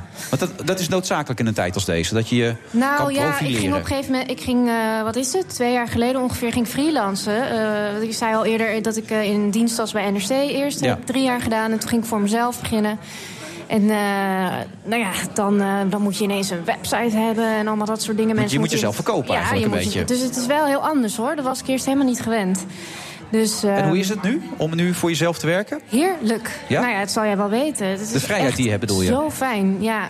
En je kiest alleen maar de dingen die je leuk vindt. Dat is wel heel fijn. Kijk, als je in dienst bent, dan moet je natuurlijk ook gewoon corvée doen. En eh, de moedjes. En, eh, Ja, nu doe je alleen de dingen, je cherrypicking doe je eigenlijk. Ja, dat probeer ik wel te doen, ja. En heb je een luxe dat je ook echt kan cherrypicken? Dat ja, er veel so dingen far voorbij komen? good. Ja, ben ik echt heel blij mee. Want je had een stuk over, over scholen geschreven, geloof ik, hè, van de studiebegeleiding, of tenminste voor de toekomst, hoe je. De ene jongen was naar de LTS gegaan, geloof ik, en de andere jongen was. Naar VWO, Ja, het, was, eh, het ging over het schooladvies. Ja, en, de, en verschillen. ik. ja, het was Ja. een reportage voor Vrij Nederland. En eh, dat ging over de verschillen in het schooladvies. Dat de kloof in, on- in het onderwijs zo groot is dat eh, kinderen met hoger opgeleide ouders vaak automatisch een hoger advies krijgen. En als je ouders laag opgeleid zijn, dat je dan automatisch een laag advies krijgt. Van de school. Ja, helaas. Omdat ze het weten van die ouders dan. Ondanks de CITO-score, ja. En dat is best een groot issue. En er waren afgelopen jaar eh, drie stevige rapporten over verschenen. En eh staatssecretaris was op de vinger getikt. En de minister ook. Ehm ze hebben er toen eh, niet zoveel mee gedaan. En ik was wel heel blij om te zien dat naar aanleiding van de reportage ook kamervragen werden gesteld. Ja. Dus, Want hoe ehm, zit je dan thuis? Zit je dan trots te zijn? Kijk je naar jezelf in de spiegel? Ja, hey. Jasmina, lekker bezig? Ja, toen ik het voorbij zag komen op Twitter, deed ik wel even een dansje in de woonkamer. Ja. Nee, maar ja, maar daar doe je het voor. Ja, ik bedoel. eh, Ja, daar doe je het voor. Want wat doe je het dan voor? Voor de successen en dingen die be- iets te bewegen, eh, teweeg nou brengen. ja, je wil natuurlijk, maar daar begonnen we ook eh, het begin van de uitzending mee. Hè, toen je zei van, eh, heb je dat van je ouders, dat je zo graag, eh, nou ja, mededogen. Ja, en, en interesse in iets mensen. wil- ja, interesse in mensen, dat je iets wil doen. Ja, dat is wel ook een beetje de motivatie om in de journalistiek te werken. Om eh, ehm, verschil te maken, om eh, ehm, ja, tegels te lichten. Maar kan dat nog, Jasmina? grote Nou word ik even, word, word ik- dan ga ik de oude man uithangen. Maar Ja, toevallig had ik vanmiddag nog weer een gesprek. Al- Albert Heijn TV begint nu met een eigen kanaal. Alle voetbalclubs hebben een eigen kanaal. Mhm, mhm. Het nieuws wordt steeds meer gestuurd. Wordt steeds meer eh, eigenlijk geframed. Ja. Hoe mogelijk, hoeveel mogelijkheden zijn er straks nog... om dat nog een beetje vrij en onafhankelijk te kunnen Ja. doen, denk jij? Ja, ik ben daar ook pessimistisch over. Want eh, ik bedoel, eh, dat stuk wat ik gemaakt heb, heb ik niet kunnen maken als ik niet subsidie had gehad voor de Fonds Bijzondere Journalistieke Projecten. Ja. En toen ik ze belde om te vragen of ik überhaupt kans zou maken, zeiden ze: Nou, we worden wel echt overstelpt de afgelopen jaren met verzoeken. Dus je kans is heel klein. En er zijn, is, redacties hebben bijna geen budgetten meer. ehm, ehm, Het komt grote partijen ook helemaal niet uit. Dat soort, eh, dat, dat soort informatie natuurlijk. Die Nee. gaan het ook steeds meer tegenhouden. Nee. En sturen natuurlijk ook. Ja, dus dat is, eh, daar moeten we echt met z'n allen heel erg voor oppassen. Ik vind ook dat we echt daarvoor op de bres moeten. Wij zelf als journalisten moeten opkomen voor ons vak. En de grenzen Maar heel goed interesseert het de mensen nog, Jasmina? Dat is de grote vraag natuurlijk. Interesseert het publiek nog? Het fake nieuws lijkt soms belangrijker te worden dan het echte nieuws. En Ja. zelfs als het fake nieuws ontkracht wordt, zijn er nog steeds mensen die het willen blijven geloven. Het, is een beetje, het wordt steeds moeilijker natuurlijk daardoor. Ja. Nou, ik wil, ja, dan ga ik toch op de Guido Weijers eh, tour. Oh. glas Pak het half vol bij. zien. Ja. Blije boekje Ik wil toch ja. het glas half vol zien. Want ik denk dat mensen. Weet je, zo, zo, het is aan ons om duidelijk te maken hoe belangrijk het nieuws is dat we brengen. Ik bedoel, zonder zo'n eh, verhaal van nieuwsuur zat een minister van de Steun er nog steeds. Ik bedoel, dat is toch, zo'n onthulling is heel belangrijk om te zien hoe, achter de schermen eh, eh, dat soort dingen gebeuren. Ja. Er zijn mensen echt wel heel blij mee als dat gebeurt. En ook met zo'n verhaal wat ik heb gemaakt over het schooladvies. Ik kreeg honderden mailtjes. Ik, had, ik, had, eh, ik mocht erover vertellen bij Pauw ehm, later die week. En ik kreeg honderden mailtjes van mensen die daar verhalen over hadden. Wit, zwart, het komt bij iedereen voor. Ja. En mensen herkennen zich daarin en die vinden dat ongelijkheid in het onderwijs... en dat je nog steeds van een dubbeltje een kwartje zou moeten kunnen worden... via het onderwijssysteem, vindt iedereen belangrijk. Dus het is ook een beetje aan Leuk ons dat jij om... dubbeltjes en kwartjes nog kent. ja, nee, is toch grappig? Nou, zo jong ben ik ook weer niet. Maar ja, dus blij, het, ik, ja, ik, eh, ik geef niet op. Nee. Nee. En dan zit je vader trots te kijken als je daar bij Pauw zit. Want hij heeft altijd gezegd, je kunt het beter niet doen... er valt geen droogbrood in te verdienen. Is het wel verstandig, Jasmine? Maar nu zit hij te glimmen natuurlijk, hè? Ja, dat weet ik niet. Ik kreeg wel een sms'je van hem die zei van... eh, ik hoorde dat het leuk was, moet nog even terugkijken. Maar ik weet niet of het... Wat nou- is dit voor desinteresse, zeg? Stond hij de afwas weer te doen of zo? Nou ja, hij was in het buitenland. Eh, Oh. een of andere handelsmissie of zo. Ja, dat moet je natuurlijk ook doen. Maar ik weet niet of hij het uiteindelijk teruggezien had. Maar, Maar hoe is hij, wa- was hij bij je boekpresentatie? Toen je boekje uitkwam, dit maak je nooit meer mee. Toen was hij ook in het buitenland. Maar mijn moeder was Hij is er. toch de burgemeester van Rotterdam? Wat is dit voor onzin, zeg? Wat zit die man te doen met zijn busjesreisjes dan? Hoe kan dat dan? Nou ja, dat is wat hij doet. Hij moet bedrijven naar, eh, naar de havenstad brengen. Ik bedoel, dat is wel waar hoe mensen hun brood verdienen. Nee, dat snap ik ook wel. Maar het is Ja. je eigen dochter, potverdorie, die het eerste boekje uitbrengt. Ja. En nog een hele goede recensie ook over dit boekje overal, toch? Ja, daar was ik heel blij mee. Ja, Ja. ja. Maar eh, ben je niet boos op hem dan, op zulke momenten? Dat hij wel iets ik meer ben het interesse gewend, hij heeft het zo druk. Ja, hij heeft het, hij heeft het heel druk en mijn moeder was er. Dus ach, ik, ik- maar ik ben ook heel erg gewend Ik ben ook een beetje opgevoed met het idee. eh, mijn ouders zijn niet types die je overladen met complimenten en, en applaus. Ze vinden dat je, het, eh, dat je dat harde werken voor jezelf moet doen en niet voor een ander. En, Ja. eh, en, en, en, en de beloning zit zit hem in het harde werk zelf. Dus dat, Je moet het verdienen, hoor ik wel. Maar verdien je het ook wel. Zeg ze het wel eens een keer dan? Wanneer heeft hij het voor het laatst tegen je gezegd? Ik ben trots op Jasmina. Oh, dat weet ik eigenlijk niet. Heeft hij het wel eens gezegd? Vast wel. Maar je weet het niet ik meer. weet het wel, want ik hoor het altijd van andere mensen die Ja, zeggen nee, van. dat hoor je eh, altijd. Dat, oh, die, al die ja, boeken kan ik ook lezen. Je, je wilt het van die persoon in kwestie horen. Het kan toch niet zo zijn dat pas als hij eh, op zijn sterfbed ligt... dat hij zegt, maar ik was zo ontzettend trots op jou, Jasmina. Nou, nee, ja, ik kom niks tekort hoor, nee. En, en je andere zussen en je broer ook nog, hoe gaat het daarmee dan? Die, die worden ook op dezelfde manier opgevoed dus. Want je, een van je Denk zussen wel, zingt, ja. begrijp ik toch? Ja, heel goed goed, zingen? zelfs. Ja? Ja? heel goed. Ja. Maar wat is heel goed Ja, dan? die is cum laude afgestudeerd, joh, aan, eh, aan het conservatorium. Dus dat zegt al wat. Ja. En toen zei je vader, ik ben trots op je? Dat weet ik niet. Ook niet. Moet je een haar Cum laude afgestudeerd, hartstikke goede zangeres. En wat gaat ze daarmee doen dan? Ze heet Roeveda en eh, ze heeft naam. een, eh, een band. En daar is ze de frontvrouw van. En dat gaat heel goed. Ja. Dus eh, Grappig om dat toch achterhalen, allemaal dit soort dingen. Dan leer je de persoon toch een beetje beter kennen. Ja. En die andere twee gaan ook lekker? Die andere Ja, zus en die broer? zeker. Dik tevreden allemaal? ja. En wat is je eigen streven hierin nu in? Want we hebben het nu een beetje over. Je hebt ervoor gekozen voor jezelf te gaan. Eh, Je, Ja. Dit soort dingen. Je wilt het aan de kaak stellen. Maar heb je dan, je wil radio gaan doen. Ultieme dingen in je hoofd zitten? Nou ja, ik heb een tijdje dus een radioprogramma mogen presenteren op Radio 5. En dat, eh, nou, je weet hoe het is gegaan met Radio 5. eh, Zo'n beetje alle programma's zijn opgeheven. Bestaat het nog, Radio eh, 5 of niet? Ja, ik geloof het wel, Oké. vaag. Ja, Ehm, eh, niet eens meer op FM, geloof ik. Maar ehm, dat is de toekomst, zeggen ze. Niet op FM. nee. maar eh, nee, ik zou wel heel graag weer iets met radio willen doen. Maar ach, ik vermaak me wel. Ik Annette doe mooie jij samen. Hey, duo-presentatie, ben jij de nieuwe Kees Hey. Schilperoort? Alhoewel, dat wordt lastig. Want die Dat is wel leuk. Twee vrouwen, twee generaties. Ja. Klinkt goed. Er zit een goed verhaal achter. Ja. Nou, Jasmine, we gaan er even door. Zometeen politiek, dat is wel wat voor jou, hè? Ja, Zometeen, zeker. Ja, ga je Ja. erin, hè? Ja. Bovenop, zometeen Jasmine Abutale. Ja. Hou ik lekker in mijn mond. Oh, zullen mensen denken, dat is fijn. Tot zo na de reclame.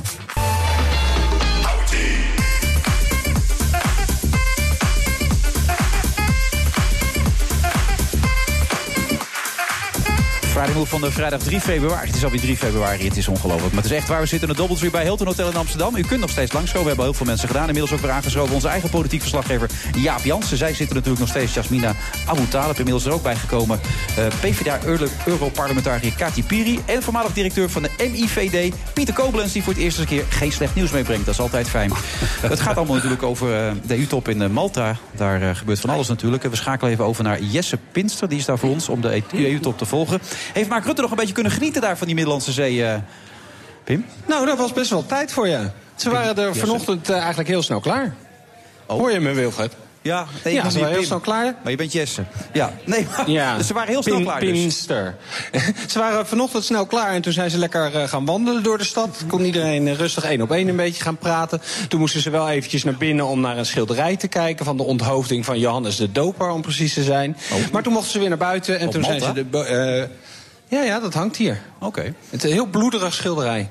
En uh, toen zijn ze nog op bootjes uh, een stukje gaan varen in de haven. En toen ging het, het uh, wel weer mis, want toen was er een probleem met een anker. En toen zat de helft van de regeringsleiders... ja, die zaten nou, tien minuutjes vast op een boot. Daarna is het ook weer goed gekomen. Dus ja, ze hebben wel kunnen genieten van het weer hier. Ja, ik zal niet meer door je heen praten. Volgens mij hebben we een kleine vertraging. Maar heeft, Donald Trump heeft Europa niet zo hoog zitten, zoals we weten. Maar slaan de Europese leiders nu al een beetje terug daar? Nee, dat, dat, dat, moeten ze niet doen volgens uh, Mark Rutte. Dat uh, benadrukte die uh, net tien minuten geleden nog toen ik eventjes met hem stond te praten. We moeten niet Trump gaan bashen. Maar ik bedoel, er zijn natuurlijk allemaal handelsakkoorden die Trump wil opzeggen met Mexico en, met, en al heeft gedaan met allemaal landen rond de Pacific. Dus Rutte zei wel, ja, die wij moeten maar eens met die landen gaan praten. Want ja, als Amerika heel protectionistisch gaat worden... en daardoor verliezen wij allemaal handel met Amerika... dan moeten we dat toch ergens gaan opvangen. Dus nou ja, misschien dan maar met Japan en met uh, Mexico uh, eens goed in gesprek gaan. Oké, okay, ik ga eens even kijken wat de reactie hier aan tafel is. Kati, wat vind je daarvan? Van de opmerking van Mark Rutte? Ja? Nou ja, kijk, het, het, jammer is een beetje dat hij het natuurlijk weer meteen in het economische trekt. Ja. Terwijl uh, ik denk juist de, de grootste verontwaardiging als het gaat om Trump is bijvoorbeeld die ban hè, om uit zeven landen uh, moslims niet toe te laten. Sterker nog ook Amerikanen met een dubbele nationaliteit, waarbij opeens ook de vraag was of, nog, of ze nog naar huis zouden kunnen terugkeren. En dat is natuurlijk eigenlijk wat ook voor ons veel meer gevaar oplevert. Uh, dus ik zou het niet beperken met alleen maar commentaar leveren op uh, handelsakkoorden die worden opgezegd. Dat is economisch heel dom, denk ik, van Amerika, waar ze mee bezig zijn. Maar wat een veel groter gevaar is natuurlijk... Wat gaat Trump doen als het gaat met Rusland? Hoe gaat die om uh, in het Midden-Oosten? En dat zijn ook bedreigingen, of eigenlijk acties... die voor ons natuurlijk ook bedreigingen kunnen meebrengen. Ja, Pieter Kolens, jij bent iets meer fan van uh, Trump, hebben we begrepen, toch, Donald? Nou, uh, ja, hij is wel duidelijk en hij doet wat hij zegt. Ja, ja daar, hou alles je wat, van. niet, ja, daar hou ik wel van, maar niet alles wat hij zegt vind ik leuk. Dus er zijn dingen die wat hij mij betreft niet hoeft te doen eigenlijk. Zoals? Nou, het inreisverbod is natuurlijk vrij knullig. Ik snap best wel dat hij dat als een donderslag bij heldere hemel deed. Als hij de week van tevoren aankondigt, werkt het niet. Dat hij een klein foutje maakt, dat hij zijn eigen onderdanen... die een dubbel paspoort heeft, daardoor een tijdje buiten laat staan... dat is natuurlijk wel een ernstige, dat is een ernstige fout, vind ik. Ja. Maar dat hij duidelijkheid schept, daar hou je wel van. Dat vind je, vind je goed. Ja, nou ja, goed. Er zijn ook dingen die we in Europa horen. Dat hele vluchtelingenprobleem, zegt hij van. Je moet, als in Syrië moet je de enclave maken die verdedigen. Daar gaan we die vluchtelingen naartoe brengen. En daar heb je alle kansen en mogelijkheden om op je gemak uit te zoeken welk je nou wel of niet uh, je land wil binnenhalen. Dat hebben wij niet goed gedaan in, Nederland, in, in, in Europa. Nee. Daar maken we een rommeltje van. Kriebelt het al, nog Jasmina, erger. om in te grijpen? erger. Ja? Jasmina, kriebelt het al als je dit soort dingen hoort? Om in te grijpen. Ja, om er iets van te vragen, om over te zeggen? Nou ja, ik vind het wel interessant dat je zegt uh, dat je blij bent met dat hij zegt wat hij. of dat hij doet wat hij zegt. Kennen we, dat is natuurlijk een beroemde uitspraak van Pim Fortuyn. Goed, ik bedoel, dat lijkt me niet het enige criterium om iemand te beoordelen op wat hij doet. Het gaat natuurlijk om de inhoud. Ja, geen twijfel. Maar goed, het was natuurlijk grappenderwijs. Wat vind je leuk van Trump? Nou ja, hij doet wat hij zegt. We hebben allemaal problemen in Nederland met politici. Die Oh, allemaal prachtige verhalen vertellen. Maar het is die, de Nederlander, hè, die, die zit te mopperen over politici... die willen toch wat meer duidelijkheid. Of je daar de goede onderwerpen voor hebt, dat is, daar gaan we het eigenlijk nog over hebben, denk ik. Nou, Cathy vindt dat inderdaad verschrikkelijk, hoor ik je zeggen. Ja, je hoorde natuurlijk na de verkiezingen van Trump... heel veel mensen zeggen van, nou, zijn achterban, hè, die nam hem niet zo letterlijk. Maar hè, uh, die vond het in ieder geval fijn dat hij zogenaamd oplossingen had. Nou, ik denk dat, dat we Trump heel letterlijk moeten nemen. En dat vind ik eigenlijk heel erg eng. Zogenaamde oplossingen bieden voor problemen die complex zijn. En wat hij eigenlijk doet, is het probleem niet oplossen, maar het nog veel erger maken. Amerika wordt niet veiliger door alle moslims te discrimineren, op die manier weg te zetten daar wordt Europa ook niet veiliger van. He, uit de zeven landen voor wie hij een inreisverbod heeft gedaan... heb je al een visum nodig. Je gaat al door een screening. Dat is logisch. Niet iedereen kan zomaar naar Amerika of naar de Europese Unie uh, reizen. Maar uit die landen heeft niet één iemand... een terroristische aanslag gepleegd in de Verenigde Staten. En wat je wel doet, is een hele bevolkingsgroep... die ook onder Amerikanen zit dat is, iets, dat is iets te vlug, want je weet niet welke geen aanslag hebben gepleegd... en waar die vandaan komen. Je weet maar heel weinig daarvan. Ja, maar als je die logica de, hanteert... Ja, maar goed, ik kom ja. nou eenmaal uit zo'n wereld, dus ik kan er niet omheen ja. om daar iets, ook, ook, iets van te vinden. En je kunt er ook niet omheen dat in het pre-Trump-tijdperk... Uh, het, uh, de situatie zoals die was ook niet echt heeft geleid tot grote resultaten. We zitten er allemaal behoorlijk in ons maag, dus er moet iets gebeuren. En of het op Trumpse wijze moet, is één ding. Maar hij zorgt er wel voor dat de hele discussie opnieuw gestart wordt. In Europa is het niet gelukt in ieder geval. Maar wat is Europa niet gelukt? Nou, ik vind dat wij, uh, dat heb ik ook in het begin al gezegd... toen we die vluchtelingencrisis hadden... ik denk dat we er beter aan doen om de mensen in hun eigen omgeving te beveiligen.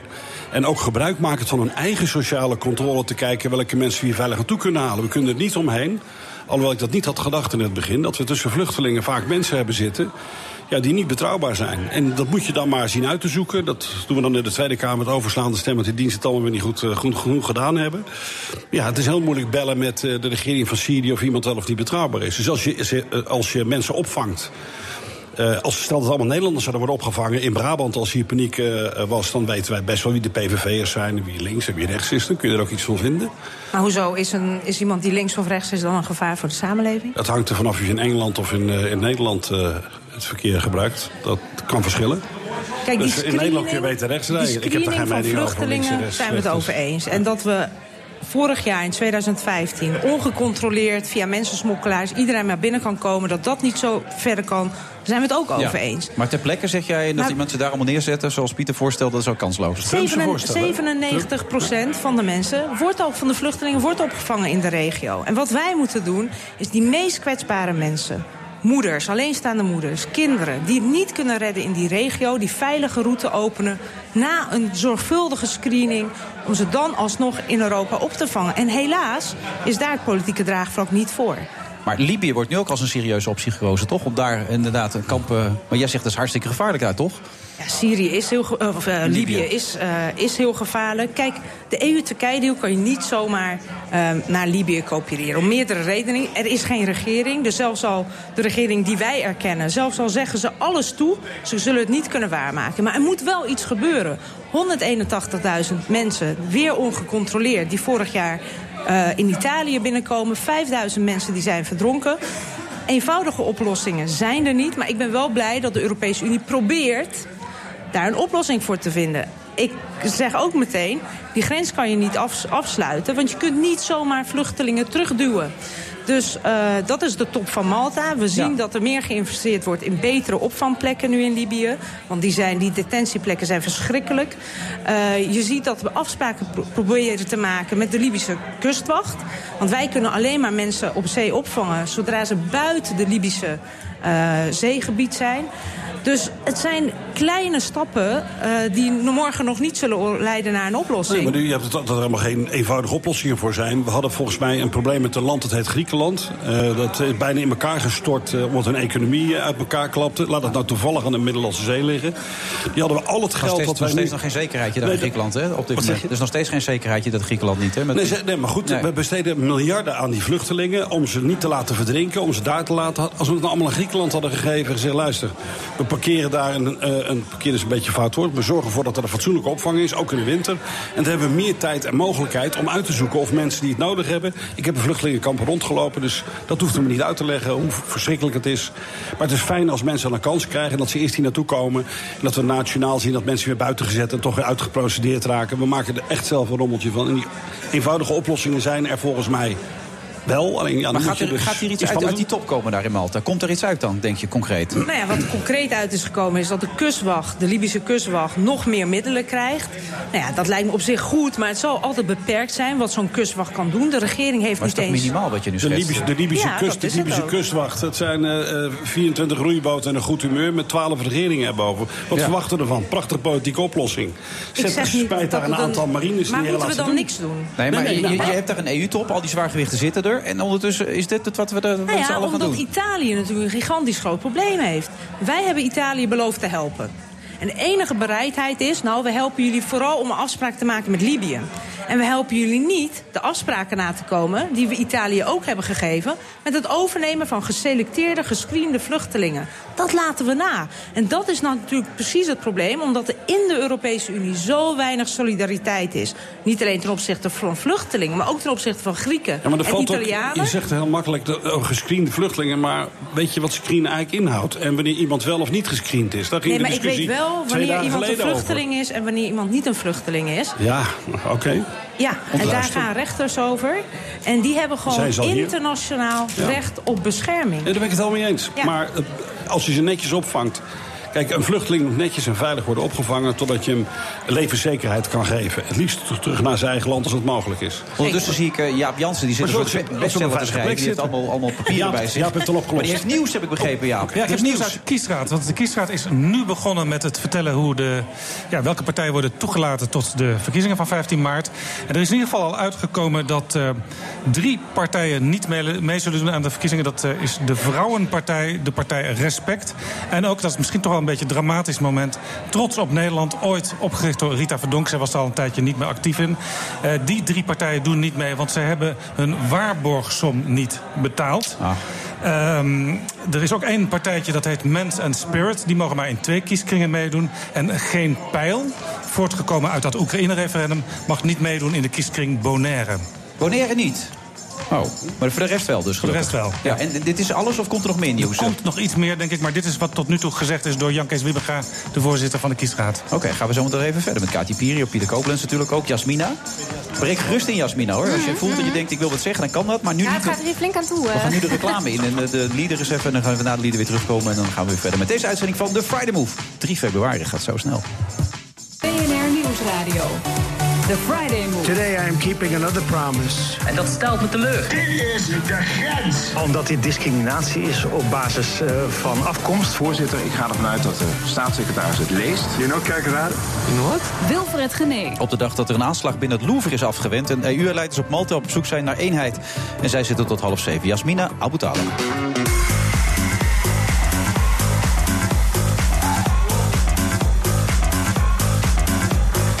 Zitten nog steeds, maar het zou ook raar zijn als we er inmiddels vertrokken zouden zijn. De Sky Lounge van het Doubletree bij Hilton Hotel in Amsterdam. Nog steeds aan tafel politiek verslaggever Jaap Jansen... die maar zit te schrijven en bij te werken. Het is ongelooflijk Ja, ik heb het nieuws al binnen, denk ik nu. Oh, en PvdA-europarlementariër Kati Piri... en een grootste vriend, voormalig directeur van de MIVD, Pieter Koblenz.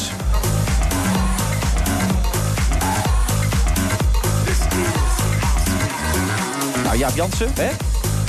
Oh, de muziek, oh, de muziek gaat door. Wacht. Kan die muziek uit? Oh, daar komt hij aan. Oh, daar gaat hij weer. Topprogramma dit, man. Ja. En dat noemen ze een nieuwsprogramma, hè, Jaap? Ja, zeg dat wel. Ja. Eh, ik, denk- ik denk wel dat we wel even samenvattend eh, er nu een beetje doorheen zijn bij die kiesraad. Ik hou het nog in de gaten, maar je kunt zeggen dat eh, er doen dus 28 partijen mee aan de verkiezingen. Het is eigenlijk ongeveer het aantal wat ook bij vorige verkiezingen meedeed. Dus zo, zo Maar dramatisch Denk, is Denk het heeft het dus ook gewoon gered. Je hebt ook alles voor elkaar. Denk nu. heeft het ook CDA gered. heeft ook de pasjes nu ingeleverd. CDA heeft blijkbaar ook nu de ID-kaart nog eventjes eh, gekopieerd en bijgeleverd. Ehm 16 partijen die doen in alle 20 kieskringen mee. 12 in een aantal. En een van die 12 is eh, Sylvana Simons met haar artikel 1. Want die doet niet mee in de kieskringen Leeuwarden en Assen. En eh, zoals ik al eh, voor het nieuws zei, drie partijen die hebben niet voldoende geld betaald. Kan het nou toeval zijn dat ik uit Leeuwarden kom? Maar ga maar door. Nee? ja, dat is- ga door. Ja. ja, ja. Nou, je kunt, eh, Sylvana zei deze week, je kunt wel op mij stemmen als je in zo'n kieskring woont. Maar dan moet je wel pasjes invullen en zo. Dan kun je bijvoorbeeld in Flevoland gaan stemmen. Ja. Ehm, Zou ik meteen doen. nou, drie partijen doen dus definitief niet mee omdat ze niet genoeg geld hadden betaald. Ehm, de Piratenpartij die vorige week aan tafel zat, die dreigde ook even in dat vakje terecht te komen, want die wilde met bitcoins betalen. Maar die hebben het toch om weten te zetten in harde euro's en mogen toch meedoen, de Piratenpartij. Zo. Nu ben je klaar? Dit was het. Dan kan die bril af. Eh, Pieter Koblenz, Kati Piri, ze zeiden zojuist tegen elkaar in de reclame... we kunnen het nog steeds niet echt goed met elkaar vinden. Dat is niet persoonlijk, dat is meer op het, op het, op het, eh, hè, op het onderwerp nu. Hè? Dat is heel belangrijk Ja. inderdaad. Met die EU-top, waar tot nu toe het belangrijkste is... dat de Libische kustwacht eh, meer steun heeft gekregen... maar ze hebben daar 24 roeiboten en een goed humeur... hebben we net van Pieter Koblenz gehoord. Dus echt opschieten wil dat ook niet. Eh, nou heeft premier Rutte... eh, is hij nou een voorstander of niet dat er een soort kopgroepje gaat komen? De- volgens mij niet, hè? Van een aantal EU-landen die een beetje de, de leiding gaan nemen. Kijk, als het gaat om een vluchtelingenvraagstuk... als we elke keer maar gaan afwachten tot 28 landen het erover eens worden... om bijvoorbeeld veilige routes te eh, bieden voor echte kwetsbare vluchtelingen... dan gaat die route er nooit komen. Dus, maar daar, daar schuilt eh, natuurlijk eh, premier Rutte zich vaak achter. Die zegt nee, het is EU-beleid, dus we moeten het alle 28 doen. Het is eigenlijk een excuus om niks te doen. Dus ik zeg, als het gaat om het bieden van die veilige routes... voor een klein deel van die kwetsbare vluchtelingen... Neem alsjeblieft het voortouw met die zes, zeven landen... die het meeste ook last hebben van die instroom... om dat gewoon gecontroleerd te doen. Daar zitten wij dus gewoon bij. Dan moet de premier Rutte zijn verantwoordelijkheid ook gewoon nemen, zeg jij. Absoluut. Pieter? Ja, natuurlijk moet vluchtelingen, dat staat buiten kijf. Dat mensen eh, grondrechten hebben en dat je mensen moet beschermen als, eh, als eh, ja, met lijf en leden gevaar lopen. Ja, de discussie, Alleen- de discussie ging vandaag breder. Want eigenlijk was de, het woord kopgroep is inderdaad gevallen. Charles Michel, de premier van België, die heeft gezegd... een aantal landen binnen de Europese Unie die dat willen... die moeten een kopgroep vormen. En dat eh, staat eigenlijk los van dat vluchtelingenvraagstuk... is een van de dingen natuurlijk. Maar vooral ook omdat eh, ja, we kunnen niet meer op aan van Trump... Eh, we hebben natuurlijk de dreiging vanuit Rusland, de dreiging vanuit China, de dreiging vanuit het Midden-Oosten. Eh, en daar is Rutte inderdaad heel terughoudend. Die is heel eh, ja, allergisch voor het woord kop- kopgroep. Want hij denkt, wordt dat weer een verdere federalisering? Dus meer macht naar het centrale Brussel. En dat kan Rutte zich natuurlijk niet veroorloven. Zes weken voor de verkiezingen, waar hij toch ook tegen Wilders moet opnemen. Ja. Ben jij fan eigenlijk van Rutte, Jasmina? Vorige week die prachtige brief Nee. natuurlijk in de krant. Hè? Aan ons allemaal gericht uiteindelijk al vooral op de mensen die dan niet gekomen zijn. Ja. Die zich misdragen weer op moeten donderen. Maar Nou ja, aan ons allemaal gericht. Zo, zo voelde het niet. nee. Maar eh, nee, er was duidelijk een, een brief van een premier in eh, campagnetijd, lijkt mij. Want ik, voelde, ik voelde me in die brief niet aangesproken, integendeel. Dus ik vind dat hij zich nu, alles wat hij nu zegt en doet... eh, zie ik heel erg eh, ehm, door de ogen van, van, van iemand die in campagnetijd zit. En eh, ik denk dat je daar alles wat hij nu doet en zegt ook zo moet, uh, moet bekijken. Ook al zegt hij dat hij dan natuurlijk, nou ja, zeker ook in Malta, er zit als premier. Maar dat, dit kun je niet los van elkaar zien. Nee. Maar dat is een probleem, zeker als het zo'n serieus probleem is. Verwacht je dat, dat dit het. Wat gaat er nou de komende tijd gebeuren? Is wat jouw verwachting dan, Kati? Nou, er zijn in ieder geval verkiezingen in, uh, los van Nederland, ook in ja. Frankrijk en Duitsland. Dus daarmee zie je dat eigenlijk die debatten, denk ik, de komende maanden vastzitten. Maar het vraagstuk natuurlijk waar we wel met z'n allen voor staan, als het gaat om die Europese samenwerking. En we hebben helaas wat bedreigingen om ons heen. Noem een Poetin, kijk naar hoe het gaat in Turkije met Erdogan. Trump is misschien ook geen natuurlijke alliantie meer. Moeten we wel serieus gaan nadenken. Wat voor Europese samenwerking willen we dan? En dat het zo niet verder kan, waarbij elke keer één, twee landen blokkeren... dat er actie wordt ondernomen op problemen waar mensen mee zitten... dat lijkt me duidelijk. Dus ja. kopgroepen zal ongetwijfeld de komende maanden een hele serieuze discussie worden... maar kennelijk eentje die de premier in verkiezingstijd vermijdt. Ja, en misschien al die andere regeringsleiders waarschijnlijk ook wel. Met Merkel en dat, Hollande, denk ik Al die ook, mensen ja. die in die verschrikkelijke situatie zitten... nog lange tijd in die situatie zullen blijven.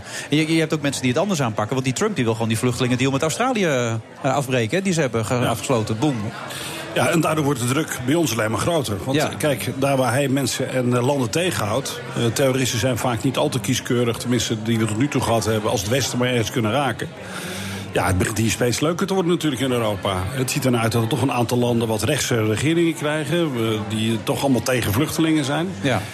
En als we dan dus onze zaken niet op juiste tijdstip op orde hebben... en dat hebben we al niet dan wordt de beslissing van Trump gaat het nog alleen maar erger maken. Maar als je al zegt dat die, de zaken niet op orde zijn... dan kun je dus grote chaos gaan verwachten de komende periode. Ja, grote chaos is natuurlijk niet nee, helemaal... Is, is, is, dit, gaat Trump een nieuwe crisis voor Europa veroorzaken? Nou ja, doordat hij de deur dichtgooit... Uh, die, die vluchtelingen is, is niet iemand die dan in uh, is hier roept te blijven... maar hier als ze niet in Amerika kunnen eindigen... die probeert dan nog eerst even de Middellandse Zee over te komen.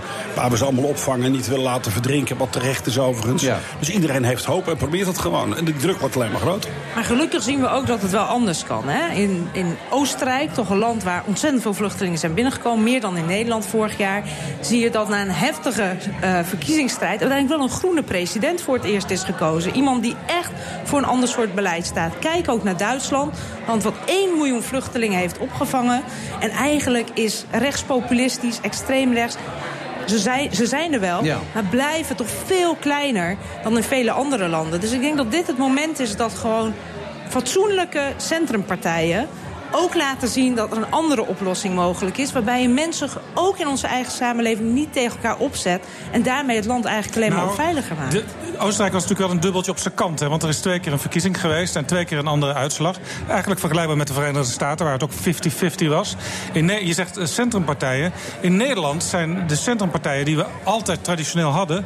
dat zijn middelgrote of kleine partijen geworden. Dus dan heb je toch een democratisch probleem in de westerse wereld.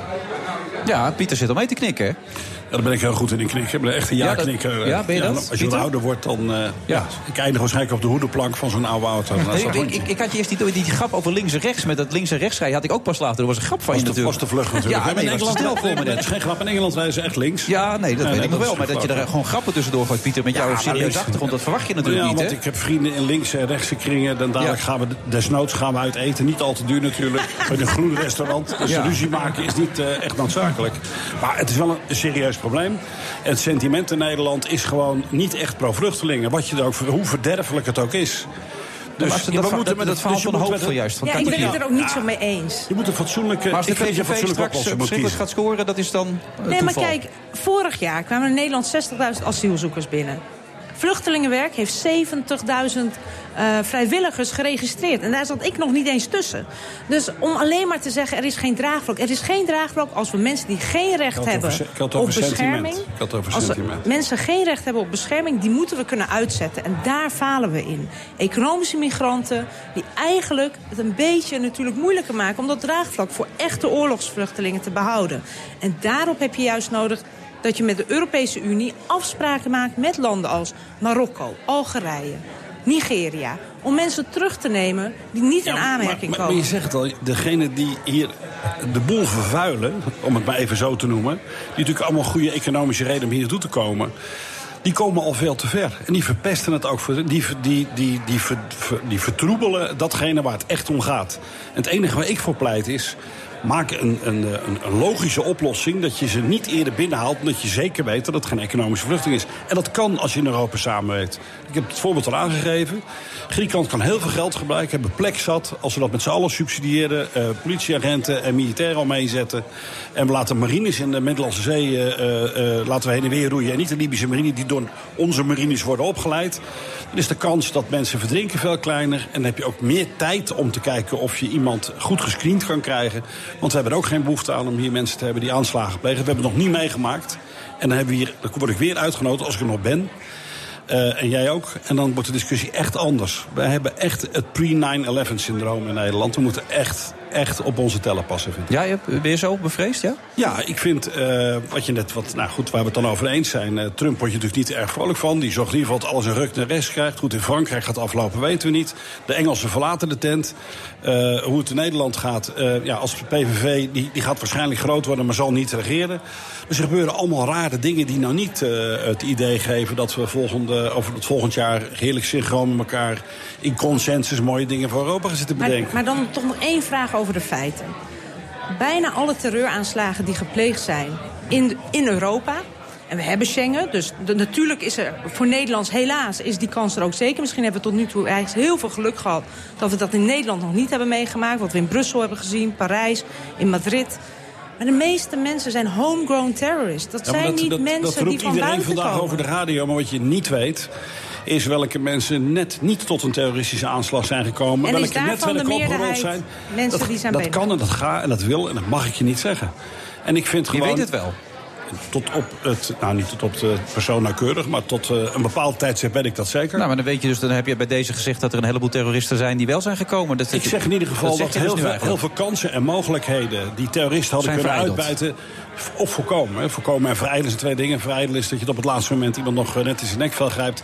Je kunt die vergelijking niet zomaar maken. Ik maak ook ernstig bezwaar tegen dat, eh, dat homegrown en homeborn. Maar Maar zet je een andere bevolkingsgroep zet je weer in de kijker. Maar ja, Pieter, nee. wat- wat je daarmee zegt, is dat- dat de kans groot is de dat, feiten, dat een die volgende... feiten lopen mank. Daar heb je een aparte fractievoorzitter van die in een apart overleg zit... waar hij niks over mag zeggen, waar hij dat soort dingen hoort. Maar dus je wat kan wat het weten je dat er eigenlijk nodig zegt, is. een eerst volgende aanslag, eh, God voel ons de komende tijd. Maar zou het dus van een, van een terrorist kunnen zijn van buitenaf, zeg maar. Dat is wat je eigenlijk zegt. Die kans is behoorlijk groot. Nou ja, goed, ik liep vroeger tussen de vluchtelingen is erg moeilijk als de screening goed gebeurt. En dan, wat, dan moet je als, als terrorist wel heel veel guts hebben om al die drempeltjes te nemen. Ja, het is gebleken dat dat wel lukt. Ja. Eh, zo nu en dan. En ja, dat is zorgelijk.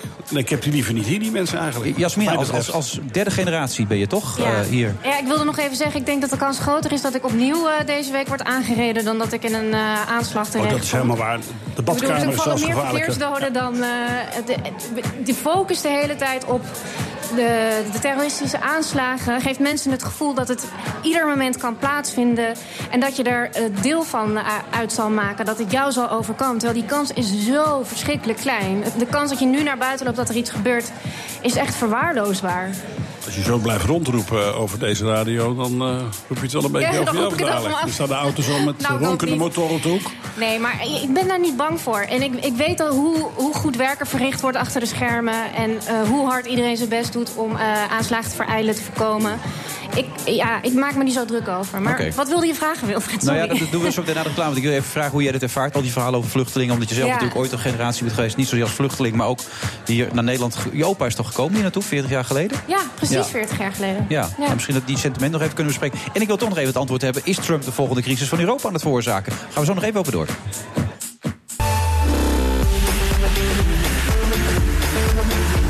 Van vrijdag 3 februari. 3 februari is het vandaag. Echt waar.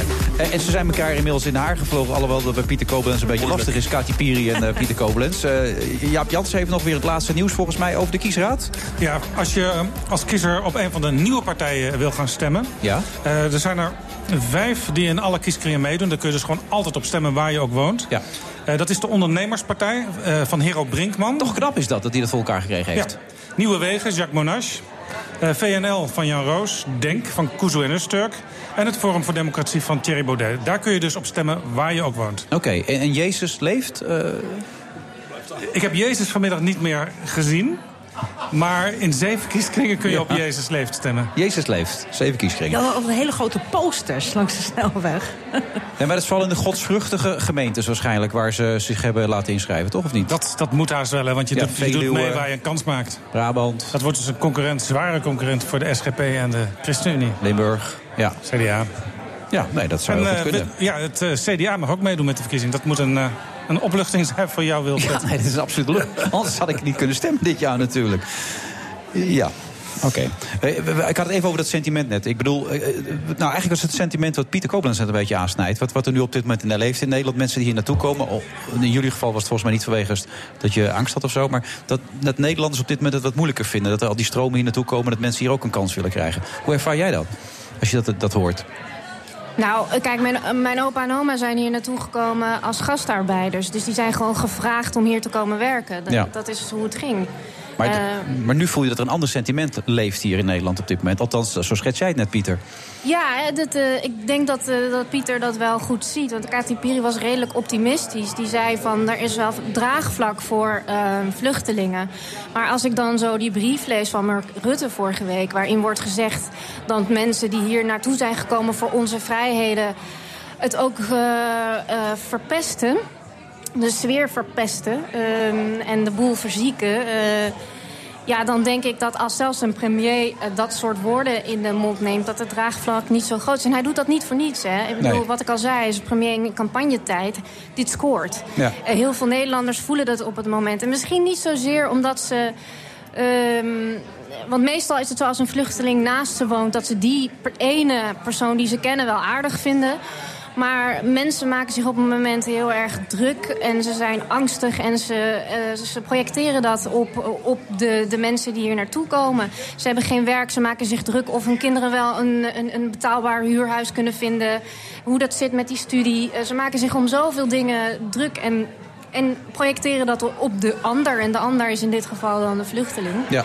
Dus ik, eh, in dit geval, ja, ik, ik weet dat Guido Weijers heeft gezegd dat we het glas half vol moeten zien. Maar ik, denk, ik ben daar wat minder optimistisch over. Terwijl je toch vanuit mededogen je verhalen schrijft. En altijd het Ja, goede van de mensen ik, ik wil ben zien. heel benieuwd wat verkiezingen gaan doen. Want ik, eh, als dat sentiment overwint, dan, eh, dan, dan wordt- er veel op de rechtse partijen gestemd. Ja.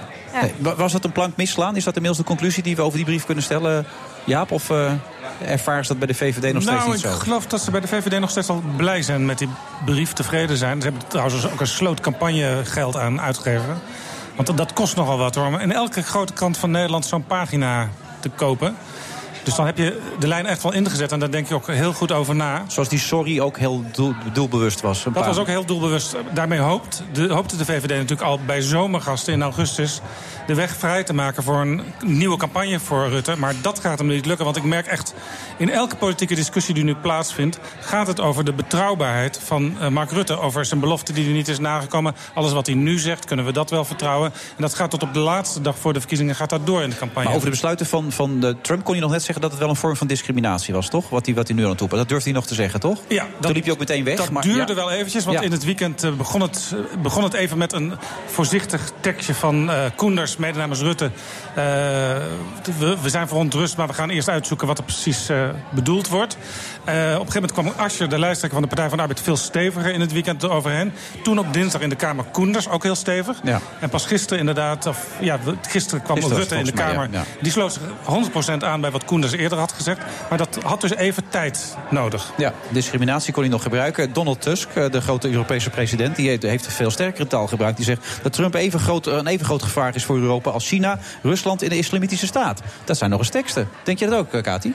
Nou ja, ik zou Islamitische Staat en Trump... dat zou ik toch niet in één categorie willen gooien. Maar ik weet in ieder geval...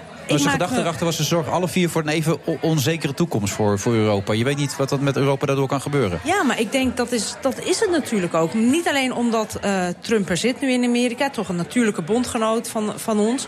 Maar ook omdat we zien dat hij heel veel vrienden heeft in de Europese Unie. Er komen verkiezingen aan in belangrijke landen. Le Pen die langs gaat. Viktor Orbán in Hongarije was de premier die hem als eerste heeft gefeliciteerd. Eh, Wilders die natuurlijk meteen een Twitterbericht de wereld had ingestuurd van gefeliciteerd Trump. Ik ga hetzelfde doen als ik aan de macht kom. Ik vind dat beangstigend. Ja. En juist daarom vind ik van een Mark Rutte... natuurlijk is het campagnetijd... maar een premier die voor alle Nederlanders de premier is... kan je niet bevolkingsgroepen ook subtiel proberen weg te zetten. En vroeger, als ik naar Amerika ging, was ik altijd trots op om uit Nederland te komen. Met een Hongaarse achtergrond, maar een trotse Nederlander. Wij waren altijd progressief. De eerste met homohuwelijk, als het gaat om euthanasie, abortus. Nu in de New York Times, hoe halen wij de New York Times? Met zo'n brief van Rutte. En dan schaam ik mij. Pieter, schaam je je dan ook een beetje? Nee, schaam je helemaal niet niet. zo snel, hè? Nee. Nee, nou, nee, nee. Want kijk, eh, je hebt het over verkiezingsretoriek. Ik kan me ook wel een beetje voorstellen dat je als premier, eh, als een, eh, als een Amerikaanse president, wat we hier aan tafel ook van vinden, voor ons erg belangrijk is. Het blijft Ja. voorlopig het, het leidende land. Ze hebben de kernwapens, ze zorgen nog steeds voor vrede. Eh, daar helpen ze gewoon een stevige steen aan bij. Dat je even de kat uit de boom wil kijken. En dat wij in de verkiezingsperiode die premier maar op de tafel wil laten slaan met de schoen. En zeggen dat het een verderfelijke president is die niet goed bij zijn hoofd is. En die discrimineert. Nou, dat had Koenders al gezegd. Dus ik vond dat dit bestuurlijk keurig had opgelost. En maar ja, het, het en verkiezingstijd, het zei al. zijn, al die decreten die nu worden getekend door president Trump... die moeten vervolgens nog wel in het parlementaire systeem van Amerika gaan. En het is de vraag wat er dan uiteindelijk van overblijft. En je moet natuurlijk ook kijken wat de nieuwe bewindslieden... en bijvoorbeeld ook de ambassadeur, nieuwe ambassadeur bij de Verenigde Naties... eh, doen in de praktijk. Bijvoorbeeld Nikki Haley, dat is die nieuwe ambassadeur. Zij heeft al gezegd over eh, Rusland en over de Minsk-akkoorden... die gaan over Oekraïne. Die moet Rusland gaan naleven en wel snel een beetje. Dat is toch een andere tekst dan je van Trump zou verwachten misschien. En de Krim moet terug, hoorde ik. Ook, dus dat, is best dapper eigenlijk. Dus Ja. is week van de bedreigingen door eh, Trump. Hij doet het in weken, denk ik. Dus als die president Trump uiteindelijk zijn eh, ministers en zo'n ambassadeur een beetje de vrije hand geeft, dan komt het misschien toch nog Maar best van de week heeft hij er nog één ontslagen, volgens mij, toch? Dus eh, niet iedereen... Dit was, was eh, een overblijfsel uit de oude regering. Dat is wel eh, die, die interim-minister. Maar wat hij Ja. nu doet... Ik vind het best wel verstandig dat, eh, eh, eh, dat Rutte het een beetje in het midden houdt. Dat hij een beetje meer zicht krijgt op wat die Trump nou daadwerkelijk doet. Na één week met dit soort rare decreten is dat moeilijk inschatten. Dus, eh, Populariteit in safety Amerika first. is ook iets aan het groeien, toch? Voor Trump, eh, voor zijn gedrag, toch? Populariteit. Ja, die is aan het stijgen een beetje, toch? Voor zijn, Nou, eh, volgens mij eh, was het de eerste president in eh, de afgelopen 40, 50 jaar... die zo snel zo impopulair is geworden. Dus hij Ja. stijgt niet. Een kern van zijn eigen achterban vindt natuurlijk... dit is de president die America first zet. Ja. Hè? Prima dat de hele wereld eh, moord en brand schreeuwt. Hij is er voor ons. Eh, ik denk eh, eh, dat hij ook... eigenlijk heb je nog nooit zo snel zo'n impopulaire eh, president gezien. Ja, ik geloof ook dat in in de afgelopen dagen onder de 40% approval rate is gedaald. En dat gaat op een gegeven moment, als dat zo blijft... natuurlijk voor de eh, Republikeinen in het Huis van Afgevaardigden en in de Senaat ook wel meewegen van... moeten wij wel per definitie alles wat de president voorstelt goedkeuren? Die gaat niet gebeuren. Maar wat gaat, gaat hij hem uitdienen dan? Zijn termijn, wat denken jullie dan? Ik, nou, ik heb eigenlijk twee scenario's. Eh, het eerste is wat, ik, wat zou kunnen. Dat hij een Wel of niet? impeachment Ja. uit zijn broek... Ja, dat is goed. Wel of niet, maar- inderdaad, Ja, maar zijn- nee, maar ik heb twee scenario's bedacht. Pieter is leuk, man. Ja. Moet je meer doen, Pieter, dit? Ja, ga door. Het ene scenario zou ja. kunnen zijn, voor de mensen die graag willen dat Trump verdwijnt... dat er een impeachment komt wegens corruptie. Want die man heeft natuurlijk ontzettend veel bedrijfsbelangen. Ja. Zijn kinderen die regelen nu al zijn bedrijven. Nou, daar, daar zit vast heel veel aan waar, waar onderzoeksjournalisten Hij heeft zijn achteraan gaan. belastingafslag ook niet eh, laten zien. Hè? Ik bedoel, de Ja. eerste president toch die zijn belasting... Maar een eh, ander scenario is dat hij acht jaar blijft. Want ehm, over vier jaar moet hij natuurlijk herkozen worden. Hij zet nu in op eh, heel veel nieuwe arbeidsplaatsen... door bijvoorbeeld bruggen te bouwen, wegen aan te leggen. Ja. Nou, over een jaar of drie dan zal dat een beetje zichtbaar worden. Dan zie je dat mensen baan hebben, dan zie je dat er nieuwe wegen komen. Dan zouden de kiezers hem wel eens kunnen belonen. En dan zit hij er zomaar acht jaar. Maar gaat het allemaal lukken? Want die, met die pijplijn enzovoort... er wordt allemaal gezegd, ja, maar dat kan niet allemaal wel roepen enzovoort... en dat er allemaal banen uit voort gaan komen. Of het allemaal gaat lukken. Hij wat zit je er nu pas twee weken, hè, dus je moet eventjes afwachten. Ja, toch? eh, Pieter geeft het een beetje hoop. Uh, Kati heeft een beetje minder hoop, heb ik op dit moment. Die is een beetje ja, maar het zorgen. is aan de Amerikaanse kiezers geweest. Hè. Ik hou mijn hart vast, omdat ik zie dat die ontzettend veel onrust eh, creëert eigenlijk, in, ook in Europa. Maar laten we het beste van hopen. En Amerika is en blijft een rechtsstaat. Dus ik hoop vooral ook dat rechters, parlement, congres hem kan corrigeren. Ja, al dus Kati Piri. Bedankt dat je er was, Kati. Graag gedaan, leuk. Ga je daar eten met Peter, Pieter? Of? Nou, hij knikt eh volmondig ja, dus ik heb bijna gekeuze. Scharrel, eh hamburgers.